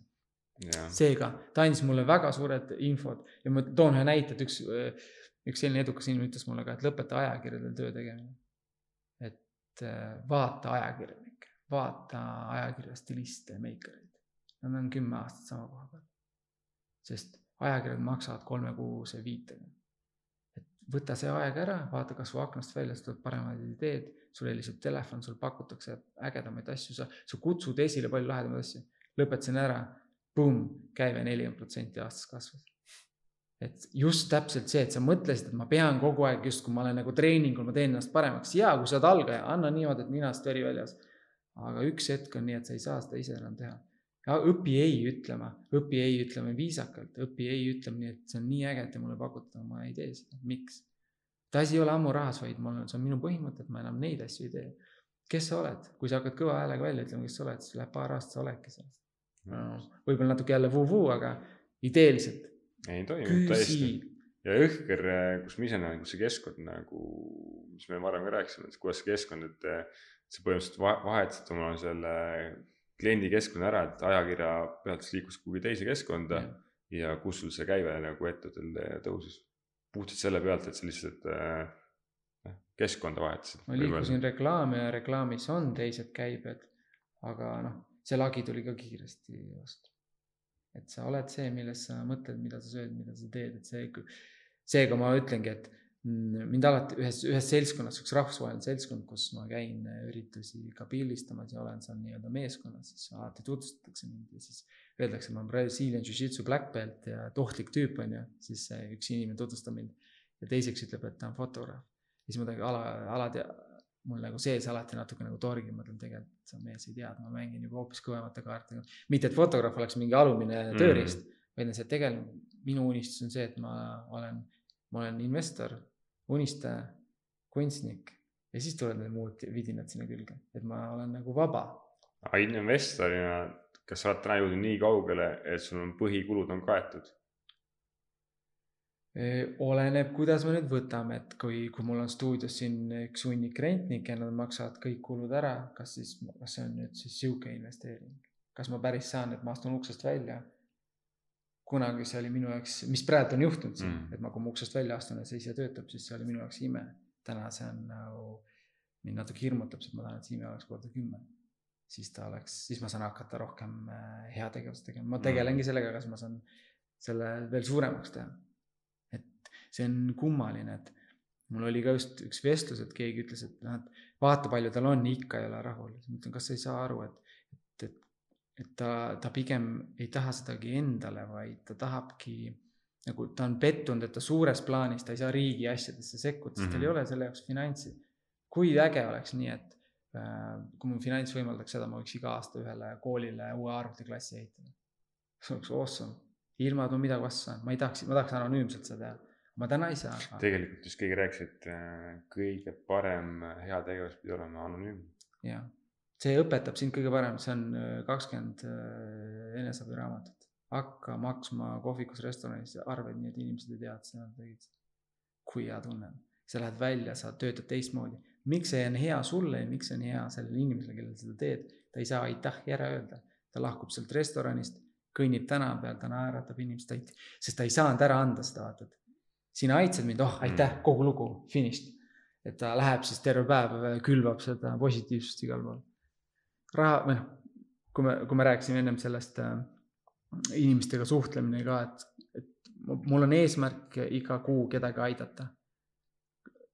ja mitte nii, et ma mõtlen kodus, vaid ma küsin ka, jumala tihti kirjutan kellelegi, ütlen, kuidas ma, et mis ma saaks teha. et see ei saa olla, et ma annan sulle X summa raha mm., vaid see peab olema, et kas ma viin sind millelegi lähemale, tutvustan sind kellelegi, sest tihti on see, et see kontakt on olemas, kellega sa koos nagu ise samamoodi järjest rohkem nagu hakkad hindama nagu kontaktivõrgustikku kui siis seda raha nii-öelda. ja mida rohkem sa inimestega nagu saad äh, tuttavaks või mida suurem sul kontaktivõrgustik on, seda, seda väiksemaks kuidagi Eesti läheb, üldse maailm. et äh, see teeb kedagi, kui kunagi mõtlesin, et äh, ma ei tea, mis siin näited on, et noh, selle inimese ma näen ainult telekast ja mul ei ole võimalik kuidagi tema ligi saada yeah., siis äh, üks hetk on lihtsalt, et lähed surk kätte, ütled tere, kuidas läheb? tõsi on, et see kontaktid ja sõprus ja, ja päris nagu siiras sõprus, et kui keegi ütleb, mul ei ole aega, siis eh, seda ma teengi, nõustan inimesi, mis asi on üldse aeg, mis on üks euro ja mis on aeg. mu koolituse nimi on üks euro ja üks minut ja ma ütlen, et äh, nagu ma ennem rääkisin sellest, et Mm. tegin ise, käisin pangas, proovisin saada laenu ja peale seda sõbrad küsisid, what the fuck, et kust sa selle välja võlgad, siis ma ütlesin, et kui ennem see oli nagu unistus, nüüd see on see igapäev. nüüd aga selle igapäeval saab uue unistuse peale ehitada mm.. Mhm. sa kogu aeg oma reaalsust justkui mõjutad edasi mm, -hmm. et su minu reaalsus ei ole enam see, et ma äh, rabelen, et saada see mingi, osta see paarisaja tuhandene korter, et see reaalsus, kui sa oleks, see, mul ema ütles väga nummilt, et on sul seda kodu sinna siis vaja. Siis ma ütlesin, ema, päris ema, saad sa aru, et kui ma võtan selle, siis ma jään nagu selleks meheks. kui ma võtan selle, siis ma jään, hakkan selleks meheks, aga hakkan unistama sellest ja kogu aeg nagu unistad Mm. ja unistad, et sa, sa oled õpetanud mind unistama, kuidas sa nüüd ütled, lepi nagu vähemaga. see on ainult peas kinni. et kas äh, kordagi ei ole tekkinud sellist hetke, et äh, ma ei tea, ma olen selle hetkega rahul ja ma ei tea, oleks kuu aega lihtsalt selles nagu, selles hetkeolukorras nii-öelda, et ma ei tea, läheks kuskile, tea, saarele puhkama või, või nii-öelda siis iga päev on pigem see, et tahaks saada paremaks, paremaks, midagi teha vigu, õppida. paremaks on kole sõna, sest tavaliselt, kui on, ütled, et tahad olla, kui keegi tahab saada paremaks, siis kohe ala, tihti alateadvust. Edasi inimestel on, et umbes, et sa, sa oled must parem. ma lihtsalt tahan olla endast parem versioon ja selle, mul annab kõige suurema kaifi see, et ma natuke riskin ja, ja võtan asju ette, ettevõtlik, et, et äh, hirmutav on ettevõtjana näha seda, et, et asjad võib-olla ise nii isegi tiksuvad, midagi ei tee mm. Mm. ma pean õppima kindlasti seda, et äh, ma võiks anda rohkem vaba aega, sest mulle väga ei meeldi puhata. minu jaoks, kui elu on selline, shit, kui mu spo- spordipsühholoog ütles ka, et kas sa vajad natuke nagu vahepeal kõrvale, ma ütlesin, et ei vaja, et ma vajaks nagu rohkem veel, et ma tahaks rohkem võistelda või seda teist, mulle meeldib kogeda seda stressi. sa ennem ütlesid, et, et kui reisid, saad äh, maailma näha, rei-, nagu puhata. sellest kaugel, sa lendad LA-sse, sa ei saa magadagi lennukis, sa võitled nende teemonitega enne matši. oled sa kunagi võistelnud või? sport, võitlusspordis? olen maadlusvõistlustel ja, ja. mäletad seda tunnet, mis enne oli? ja, ja, mida rohkem, kui keegi hakkab sul reisi kinni maksma ja annab sulle palka, siis see, mis, see ei lähe vähemaks. Ja kui su, sa lähed MM-ile ja sa tead, sa kohtud maailma parimatega, sa ei taha nagu esimeses ringis peksa saada, siis sul hakkavad peas need teemonid, sul ei tule und midagi, sa kogu aeg mõtled what if, what if, isegi kui sa oled väga kogenud Mm. võitlussportlane ja siis, kui öeldakse fight, siis on nii, et sihuke pehme mõnus vaikus. see on huvitav jah, et äh, enne võistlust on nagu närv sees, sõltuvalt äh, Jaa. mis tasemel see on ma ütlen alati. ja käib see kell, kong, vile ja, ja... samamoodi enne kui lähed lavale, enne kui lähed äh,, pead mingi elus mingi suure valiku tegema, teed selle ära. siis on sihuke native, tavaline asi.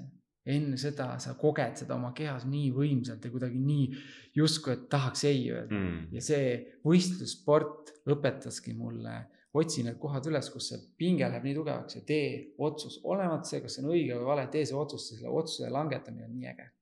et isegi kui, isegi kui ükstapuha, kui kaugel sa oled mööda valet teed teinud, läinud onju, -hmm. kas sa oled läinud meetri või sada kilomeetrit, sa võid iga kell tagasi keerata ja teha uue mingi vangerduse. seega naudi Te, seda, te, teid on palju. fail imist tuleb nautida. ja, ja täpselt, kui sa algus on väga raske see. ma ei kasutaks väga raske, vaid see on harjumus. jah, kui su vanemad on sellised, kes võtavad asju ette, siis, siis on sul see olemas. Aga kui ei ole, siis võib-olla on on mugavustsoonis väljas, et see magic ikkagi toimub seal niisuguses väikses liivateras. enda kogemust ütlen, et väga keeruline on tegelikult seda peremustrit muuta, et oletame, sul vanemad ongi, elavad, ma ei tea, palgapäevast palgapäevani, neil on mingi kümme aastat üks töökoht olnud ja kui sa tahaksid hakata muutma, siis seda harjumust, sa tahad ettevõtja, sa tahad investeerida, sa tahad nagu elada sihukest elu nagu sul on unistus nii-öelda, et seda mu- mustrit muuta on väga raske.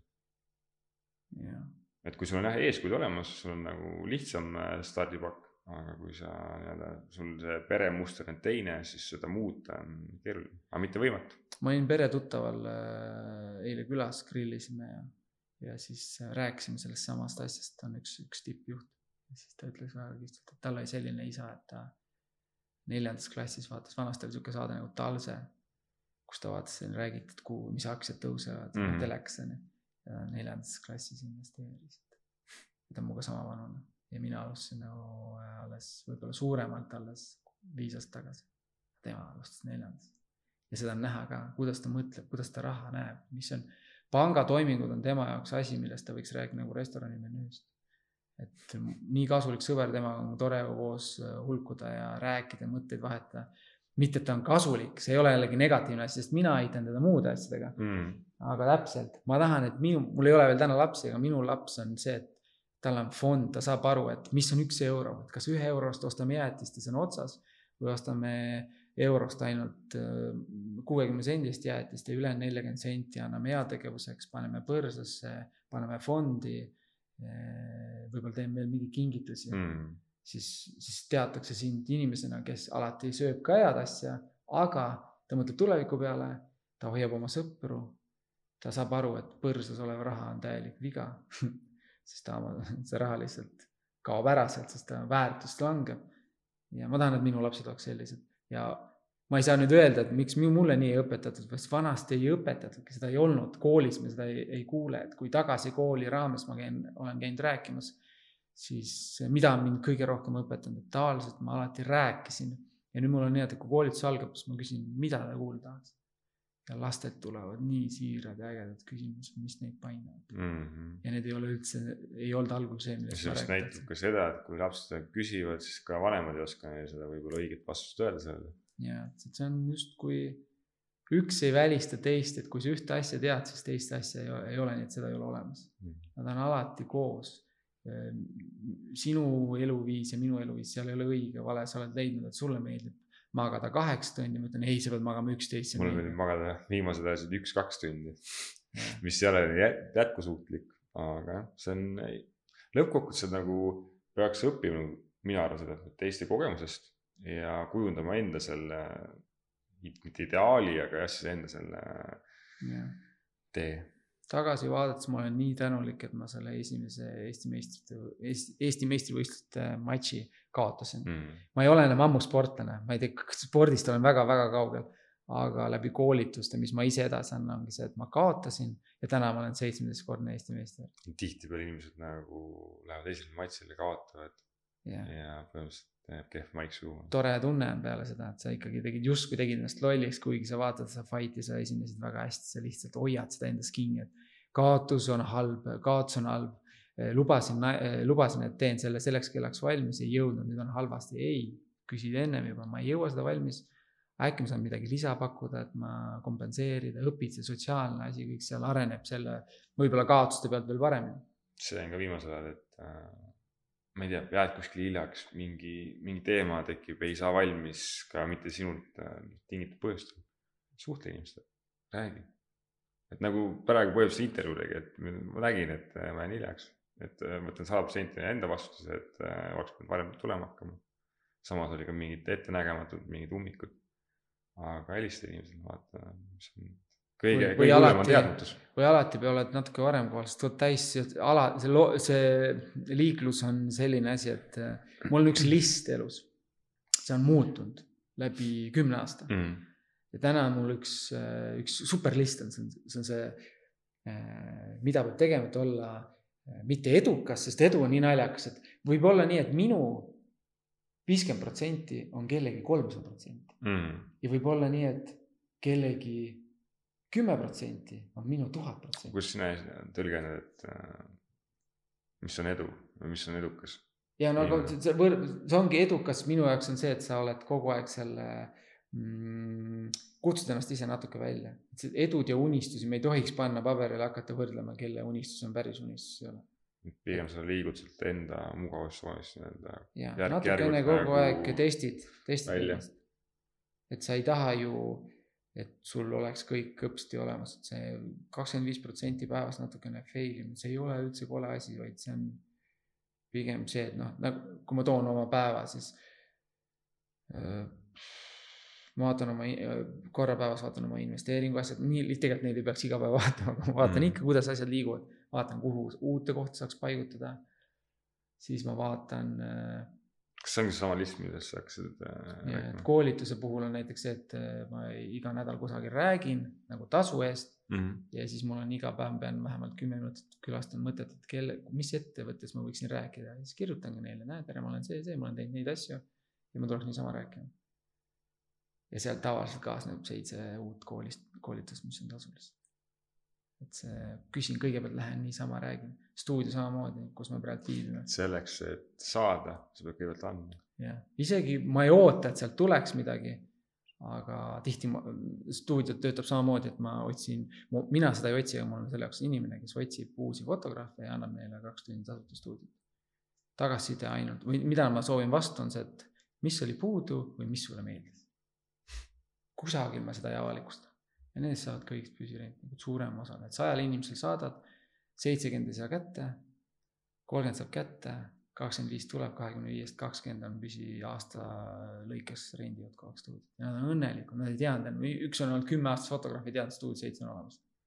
sa pead küsima, kui sa küsid, siis. ega ütle ausalt, kui ma tulin seda intervjuud tegema, ega ma ei teadnud. ja ei peagi teadma, sest ta on, ta on mõeldud tegelikult äh, hästi professionaalsetele fotograafidele, kes ei taha seda tilulilu tausta mm., vaid kes tulebki, pildistab mingeid detaile, transistori, mingit äh, konkreetset reklaami jaoks mingit persooni. see on hästi professionaalsed tööriistad, siin on kõik võib-olla liiga professionaalsed, siin kunstilist keskkonda on väga vähe aga kunstnikud on, äh, kunstnikke on vähe, see on ebastabiilne, hästi hinnatundlikud, et see on ikkagi ettevõte, see on ettevõte, mm. kes, kui sa tahad teha mingit intervjuud, see on ideaalne siin filmida. kui sa tahad teha äh, lihtsalt äh, mingit kunstilist pilti, võib-olla keeruline, et siis sa pead see nii palju ehitama. aga mina ise teen kõik oma tööd siin, et hetkel me näeme, siin on Ampleri, Ampleri reklaam, Ampleri mm. jalgratas, elektrijalgratas, mis, mida ma just päev tagasi pildistasin. see ongi reklaamitöö terve päev oled ühe rattaga.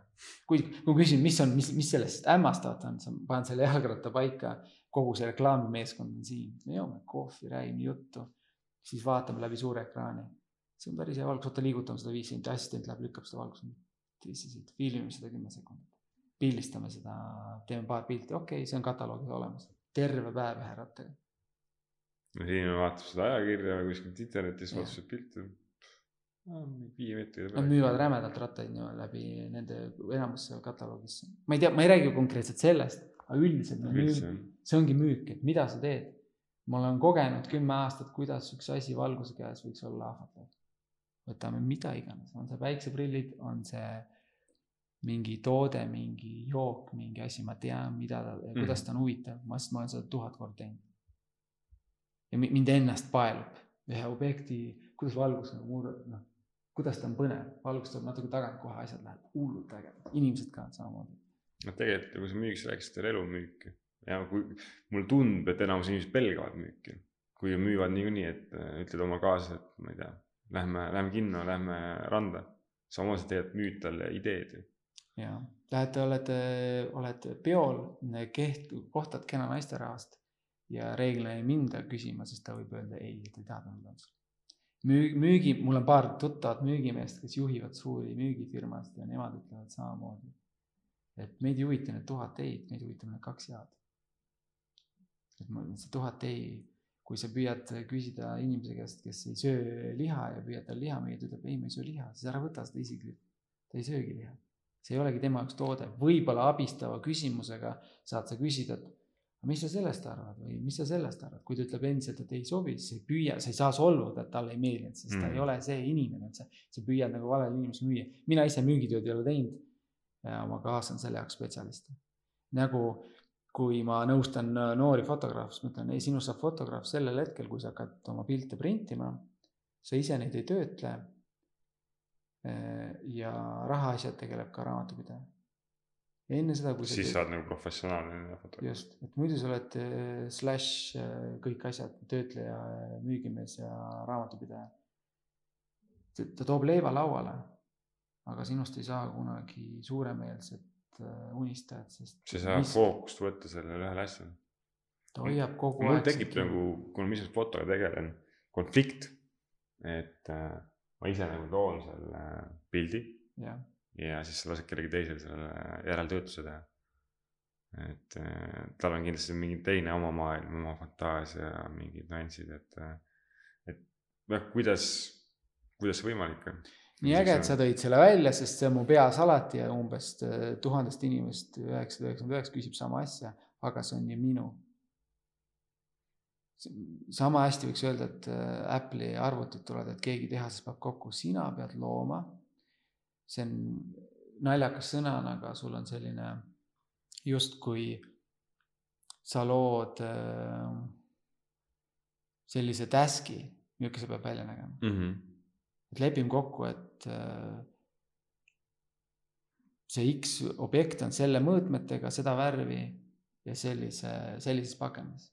ta ei saa midagi muud teha, et see on väga keeruline alguses, sest see tagasihoidmis, see, mis sind hoiab tagasi olemaks edukam, on siis see, et sa ise ei lase lahti. sa ei lase lahti nii-öelda anda jah teistele seda võimalust. üksi jõuad kiiresti, koos jõuad kaugele, et äh, no see minu töötleja on, töötlejad on nii imelised inimesed, et nad teevad seda kümme korda paremini ja kümme korda kiiremini, aga see on kestnud aastaid, selle arendamine.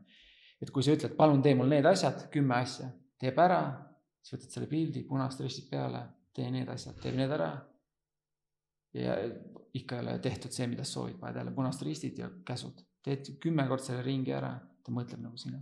ja nüüd sealt edasi mõtleb ta nagu sina ainult tema oskustega veel, see läheb, kerib ja läheb paremaks. Versus mm. see, et ma kogu aeg mõtlen, et mina teen ja mina tahan ja, ja see ei ole õige ja, ja see ei ole, kui tema, kui tema teeb, siis see ei ole nagu minu kunst. minu töötleja töötab täpselt nii, nagu mina tahan ja kui ta on ise veel näiteks fotograaf või pildistab, siis ta teeb oma pilte hoopis teistmoodi. Et kõik saavad ikkagi Mardo töö, lihtsalt. Mina ei tegele sellega, ma olen leidnud inimesi ja koolitanud välja, kes töö, teeb Otsud, nii nagu mina. dubleerid või mitme, mitmekordistad oma aega lihtsalt. sa õpetad talle ära kolori, et mis värv on ja kuidas ta keerab. Ja ta keerab nagu sina.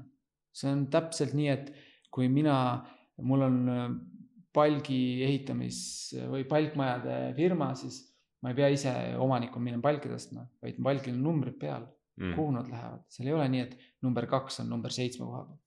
ta on alati õige koha peal. Äh, päris hea võrdlus, ma ütleks, et. Äh, fotograafid nagu saag, saagajatrit, et sa ei lähe ise sinna seda palki, palki viilutama, noh.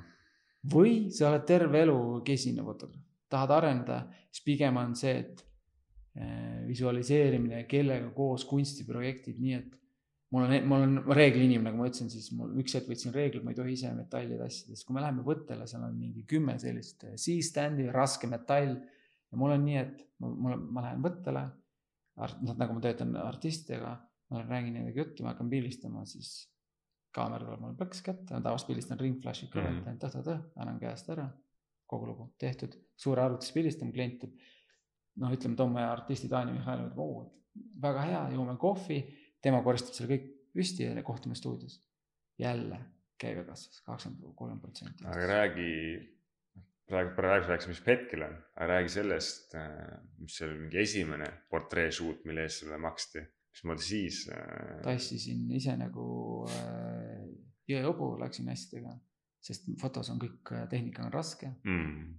aga ma alustasin väga vara, kaks tuhat kaheksa ma alustasin juba, võtsin assistente, kes tassis, ütlesingi, tüdruku poiss, ma ütlesin, tahad, tahad päriselt saada fotograafiks, ma viin sind otse kohe kõige hullemale reklaamvõttele, muidu fakt on see, et Eestis, kui näiteks tekib neid fotograafe kogu aeg juurde, siis nendest üksik protsent pääseb üldse reklaami nagu käputäis kui sa vaatad krediidiinfost, siis seal valitsevad paar inimest ja ülejäänud pole lootust, nad on nagunii või või maas.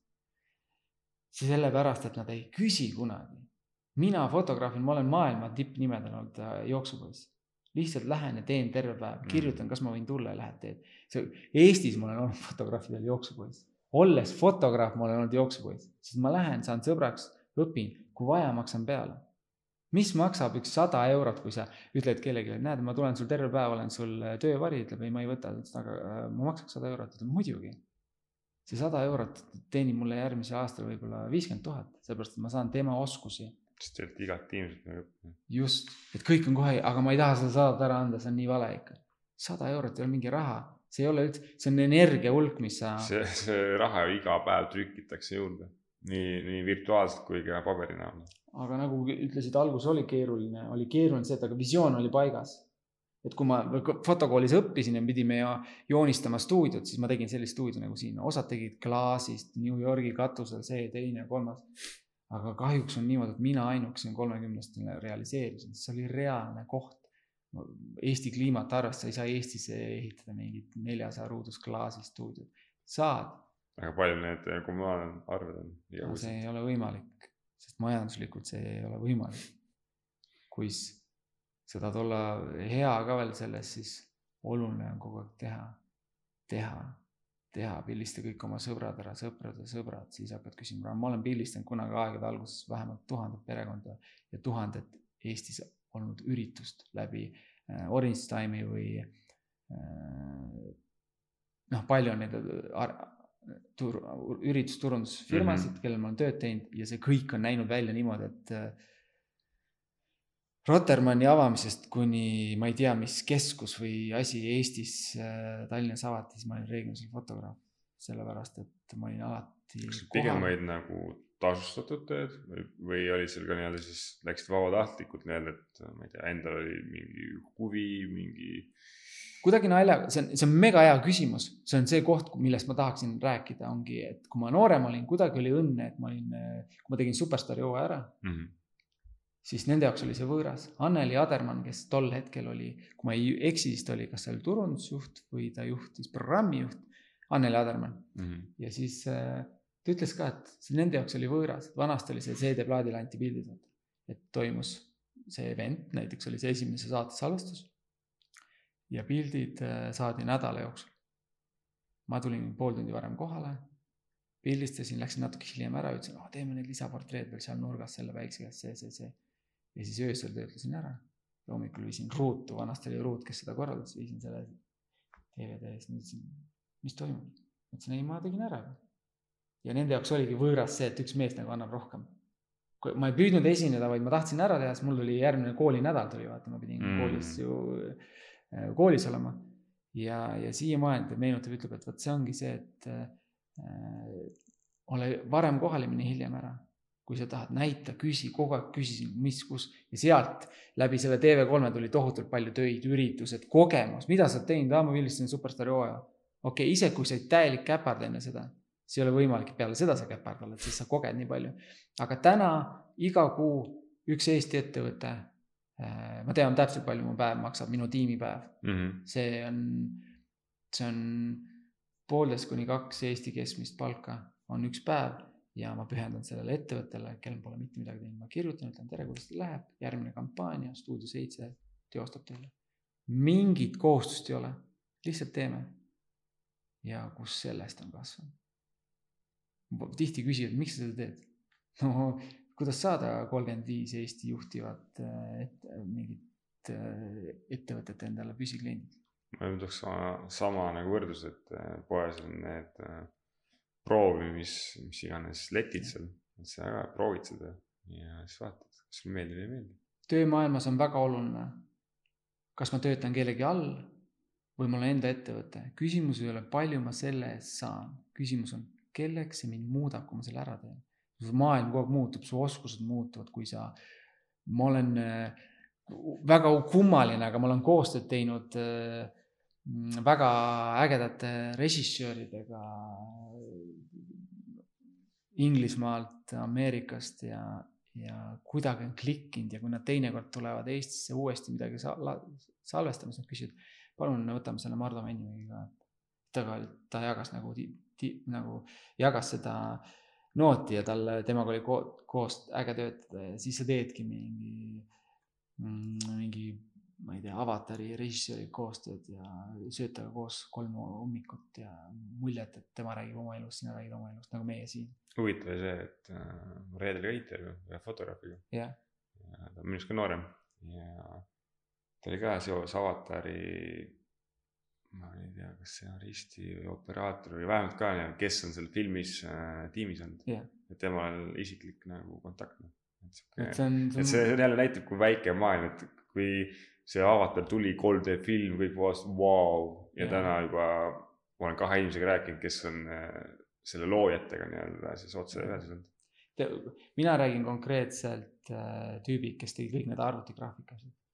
kes on lavastanud seal, hull tüüp. kuidas ta, kuidas ta on teinud kümme, viisteist aastat olnud business'i ja siis ta on, ta on võttel, ta on väsimus, ta naerab kogu aeg, mõtleb koha peal, vaatab, ta vaatab korra maha, ütleb mm, teeme selle nii. sõna otseses mõttes pani oma silmad korra kinni ja ta nägi, kuidas see tseen lõpus reklaamis on ja lavastab selle koha peal. nagu noh, kuigi kõik on paigas, aga siis mõtled, ma tahan veel siin seltskonnas olla, et nihukeste inimestega, nii, ma näen ennast tulevikus investori ja noh, režii, aga mitte nagu režissöör, kes võttel jookseb ringi, vaid ma tahaks seda hallata natukene suuremana. siis hea retsept selle jaoks on veeda aega selliste inimestega ja sa, nad nagu annavad sulle selle inspiratsiooni ja selle kõik, mis, mis selle jaoks on vaja. täiega äge.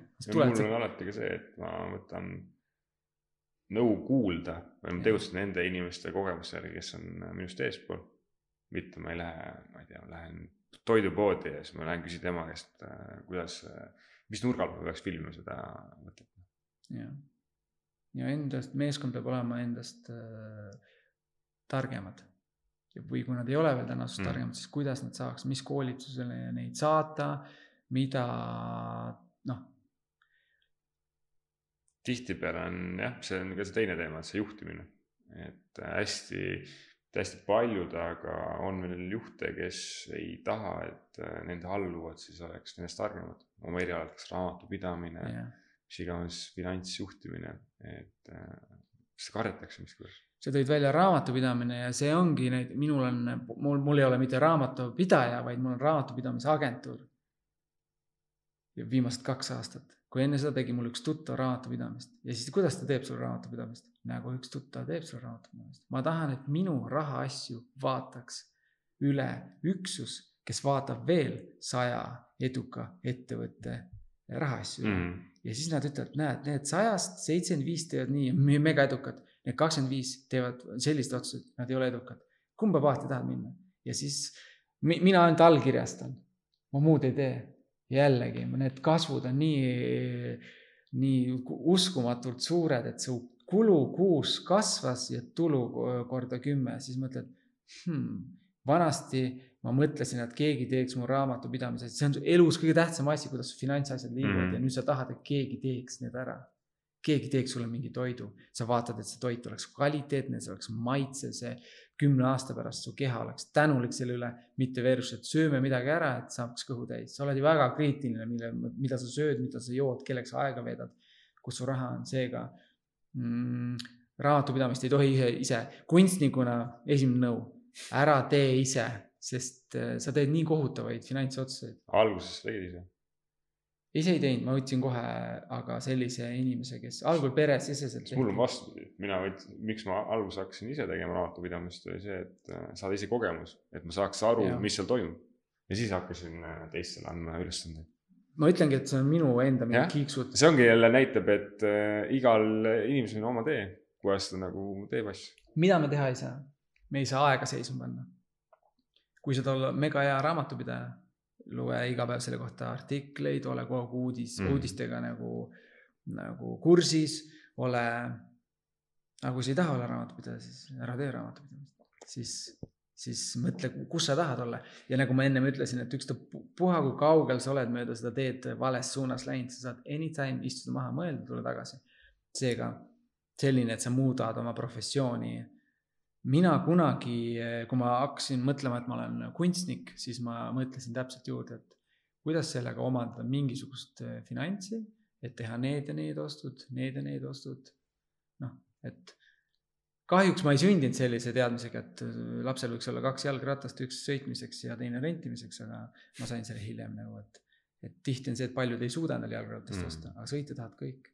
viis eurot maksta päeva eest on, sõbrad viskaks kohe mm, -hmm. kui sul on äge ratas jah, aga tekib kohe küsimus, et mismoodi sa kogu seda tegutsemist, mis sa täna nagu täna igapäevaselt teed, haldad, on sul mingi päevaplaan, mingi, mismoodi see nagu, mulle tundub, et sa hästi palju need tegeled investeerimisega, haldad oma meeskonda, ma ei tea, on sul mingid vestlused, et mismoodi sa kogu seda haldad, sul ei läheks kuskilt otsast midagi lohisema valimatult tuleb kohe kõik kalendrisse kirja, et kui ma näiteks sinuga siin lõpetan selle podcast'i, siis mul on hoopis kohtumine oma disaineriga, kes mm -hmm. selle toote asja teeb. peale seda pean, ma teen naisega ühe isikliku sõidu, aitan teda ühes asjas.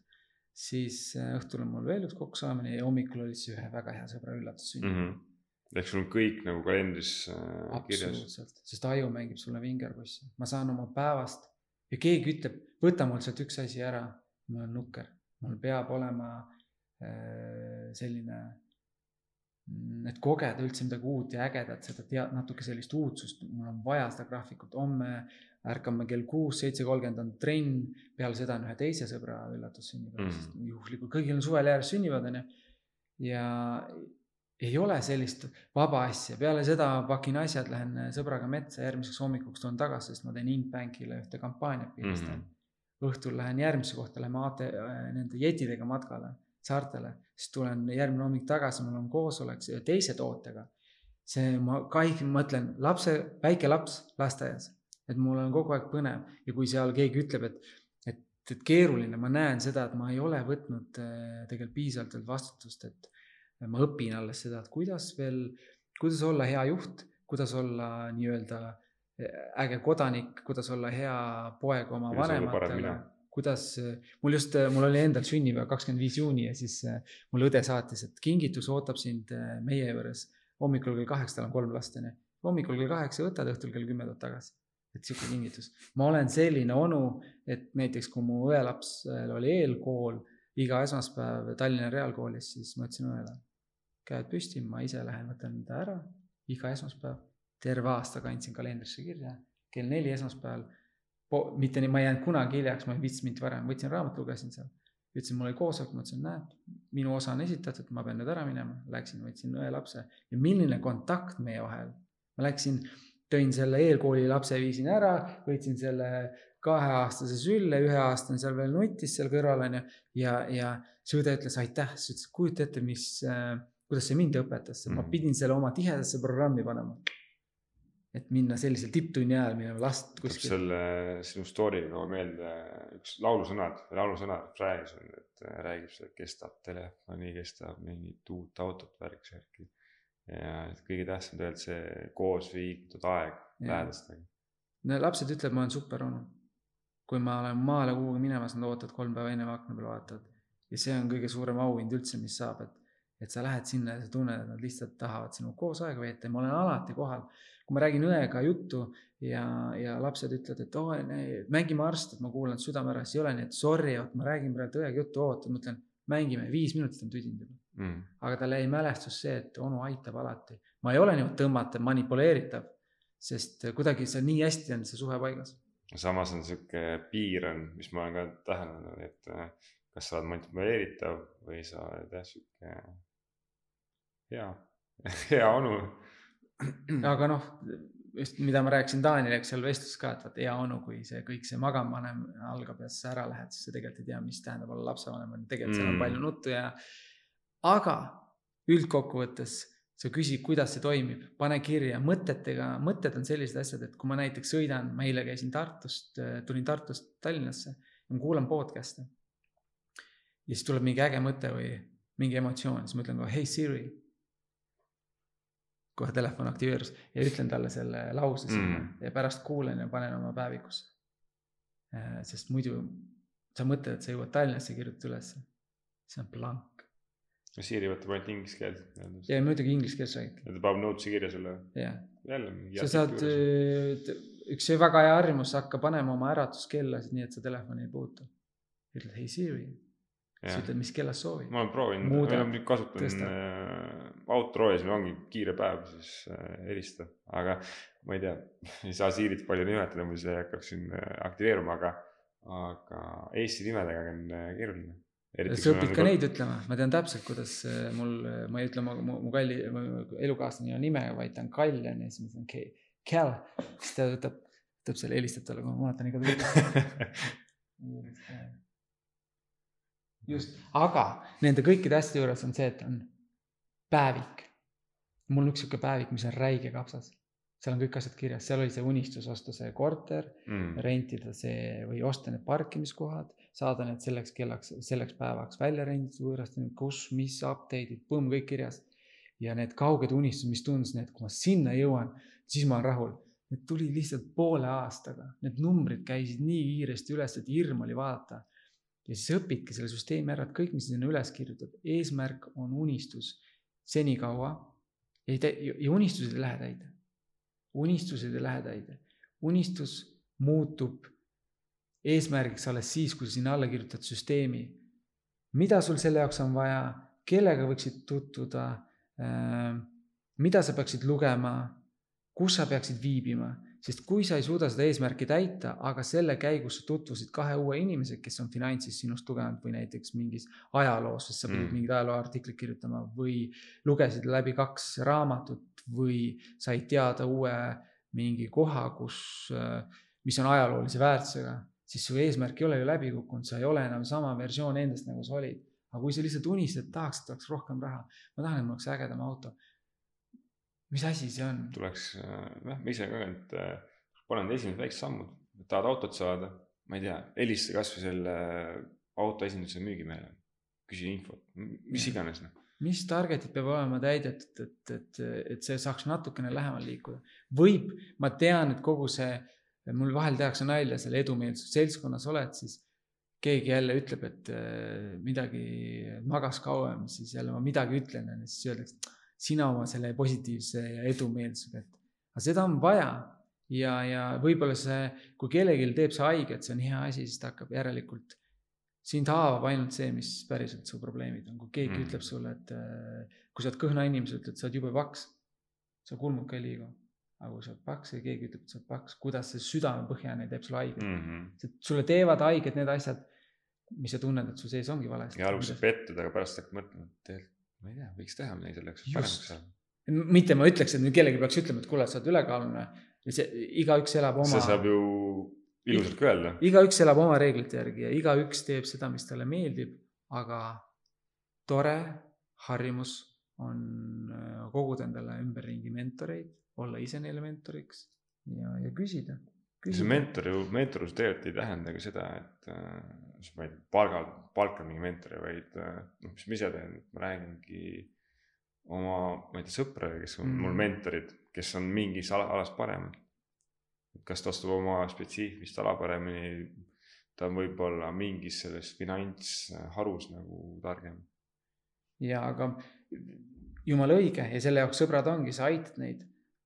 aga kui, kui sa kui ennem oli see fotograaf ja sportlane, siis sportlane ma täna pole, ma olen sportlase kogemustega inimene.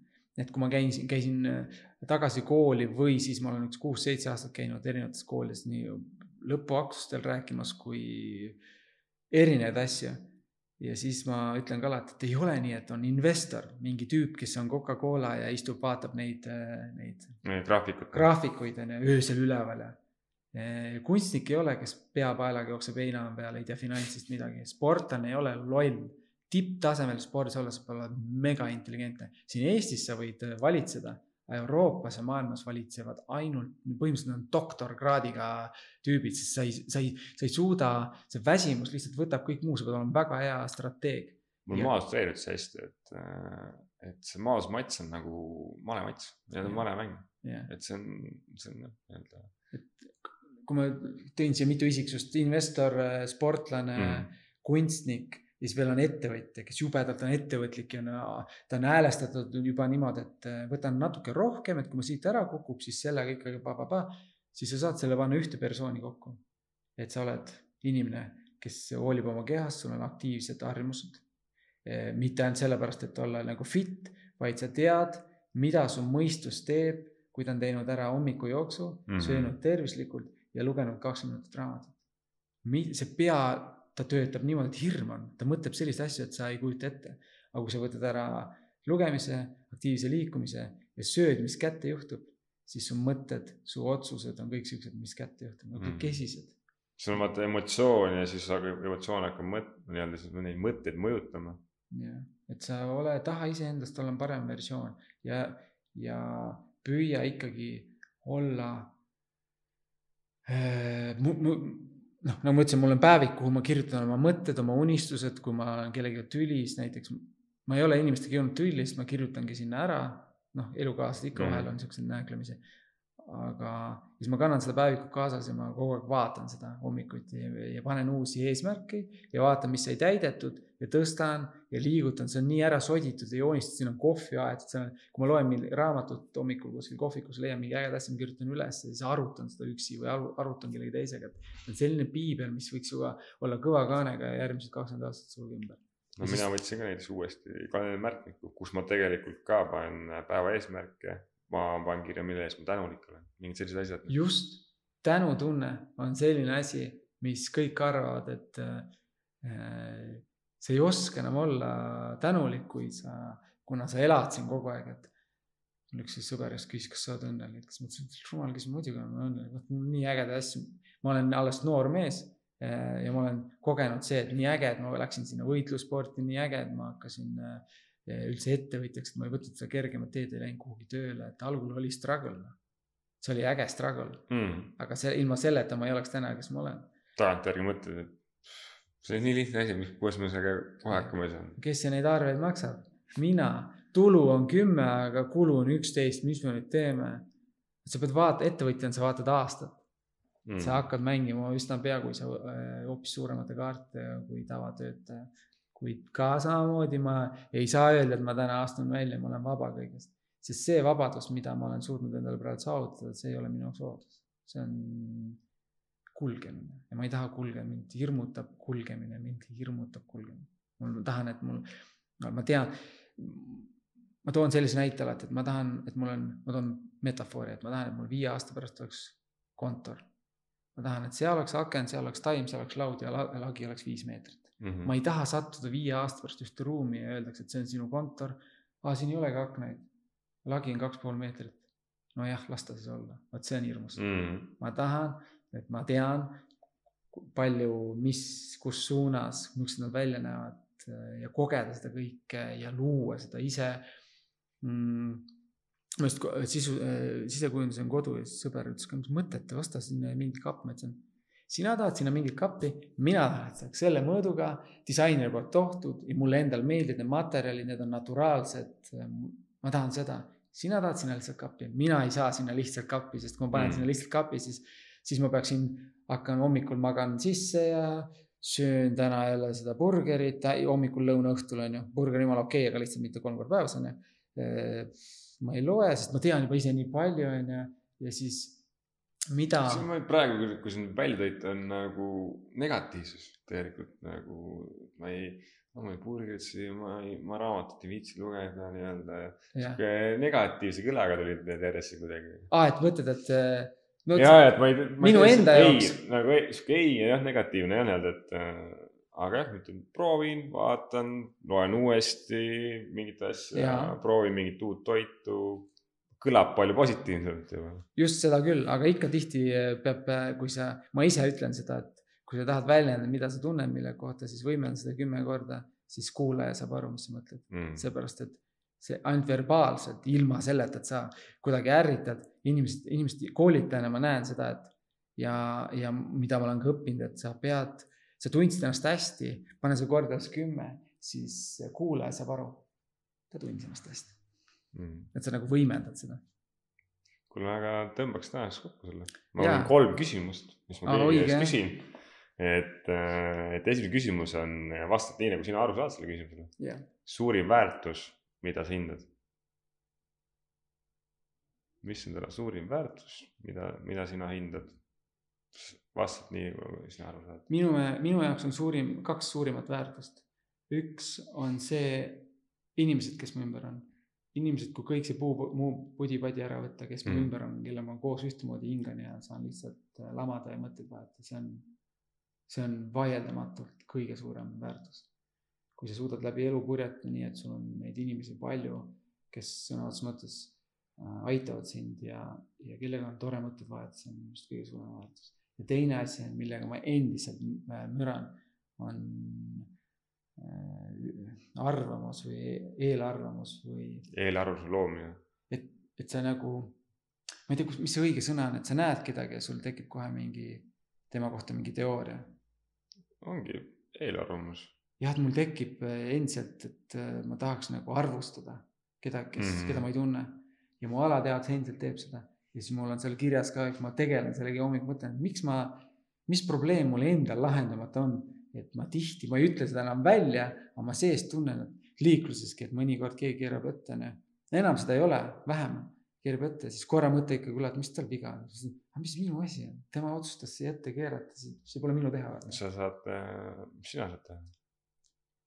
Ma täna on nii, et mul naine kõrval ütleb, mis, mis tal viga on, siis ma ütlen, mina arvan, et tal isegi pole midagi viga, ta lihtsalt keeras, ma olen praktiseerinud ja mõtelnud Mm. seda. aga endiselt ma olen väsinud või midagi juhtub, siis keegi teeb midagi, mis mulle ei meeldi, ma korra alateadvus korra mõtlen. siis mõtlen, miks ma selle peale üldse mõtlesin, see ei ole minu asi. sest muretsemine on üks naljakas asi, muretsemine ei lahenda probleemi, aga võtab rahu ära mm. -hmm. ja millal sa perform'id kõige paremini? siis, kui sa oled rahul. Ja nüüd sa võtad selle rahuloleku ära ja siis tahad midagi suurt saavutada, et, et kuidagi peaksime täpselt muretsema enda asjade pärast ja see olekski need kaks punkti. no. aga järgmine küsimus, et äh, kuidas saavad teised sind aidata? said äh, öelda suures pildis, väikses pildis. kuidas saavad teised mind aidata? kuidas teised äh, saavad jah, sind, sulle abiks olla? No ma isegi ei oska sellele küsimusele vastata, kuidas, mul on, mul on väga vedanud sõprade-tuttavatega. et mulle tundub, et mul on väga mega vähe vaenlasi, mul polegi vaenlast, ikka inimesed alati aitavad, ma küsin. ei, ma ei ole kuulnud.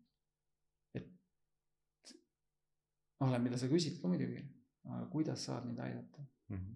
see võib ka olla lihtsalt see, et aidake iseennast, midagi sellist, lihtsalt näiteks kui ma toon näite, siis minu, minu elukaaslane on hästi kriitiline, mitte kriitiline ei ole negatiivne sõna, ta on selline hästi edasiviiv ja sihuke mm -hmm. sõbralik ja, ja väga selline, just kutsub seda, et ei, eks, ei eksisteeriks kulgemist, oleks, oleks konkreetselt, vast-, noh, konkreetsed otsused, mis sa vastu võtad. siis ma tahan, et mu elus oleks sellised inimesed, kes on ausad ja, ja saavadki minu jaoks teha seda, et nad on ausad ja annavad tagasisidet ja ma arvan, see on kõige ägedam asi, et sul ei ole sellised takkakiitjad, vaid on päris sõbrad, kes ütlevadki, et mega hea mõte, aga mõtle see osa sealt läbi natuke mm. -hmm. see on, ma arvan, kõige suurem väärtus. väga äge. ja, ja viimane küsimus, et äh, mulle endale meeldis väga küsimus ja see on tulnud sealt äh, Indreku, Indreku portfellist, kui ta neid intervjuu tegi, et mm. -hmm. kui sul on võimalus panna Vabaduse väljakule mingi slogan, mingi lause, ma ei tea, mis sind ennast motiveerib, inspireerib või ka teisi aitab, mis oleks see üks lause? Üks lause, mis motiveeriks. teeb maailma paremaks, mis iganes, et üks lause või slogan, mis sa saad panna Vabaduse platsile, et mis, mis oleks?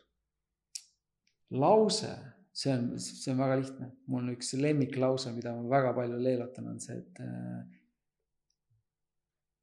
if you fall, don't fall back, fall forward, et uh, ettevõtja algteadmine, mis sind aitab, on see, et kuku kogu aeg edasi vaata mm -hmm. mööda, vastu mida sa kukud, mille pärast sa kukkusid aja ennast püsti väldi seda või siis kuku kümme korda mm ja õpi seal vaata meelega mingit situatsiooni, mingi geenitehnoloog tahab mingit uut äh, asja välja töötada, nad veedavad kümme aastat selles kukkumises, kui kukuvad mm. et uh, don't fall back, sest kõige hullem on see, et kui miski sind hirmutab ja sa tõmbad kaevikusse peitu ja ootad, et äkki läheb ära. inimene, homo sapiens ei jõudnud täna, ei jõudnud niimoodi sinna, kus ta täna on, et ta läks põõsasse peitu. ta kogu aeg ja otsis uusi jahimaid, uusi tegelasi, uusi sõprusi, uusi kaubavahetusi. Don't fall back, fall forward.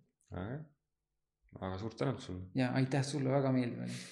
et kui kuulajad tahavad, saab alati uuesti teha ja rääkida rohkem sellest unistuste seadmisest ja, ja vaatame. mind on raske kuulata, sest ma, mu mõtted, ma tulistan nagu automaat, aga kui keegi leidis siit midagi, siis on tore igasugune kindlasti midagi, et tähtis oleks see, et ka tegutsema hakata. jaa, don't fall back, fall forward.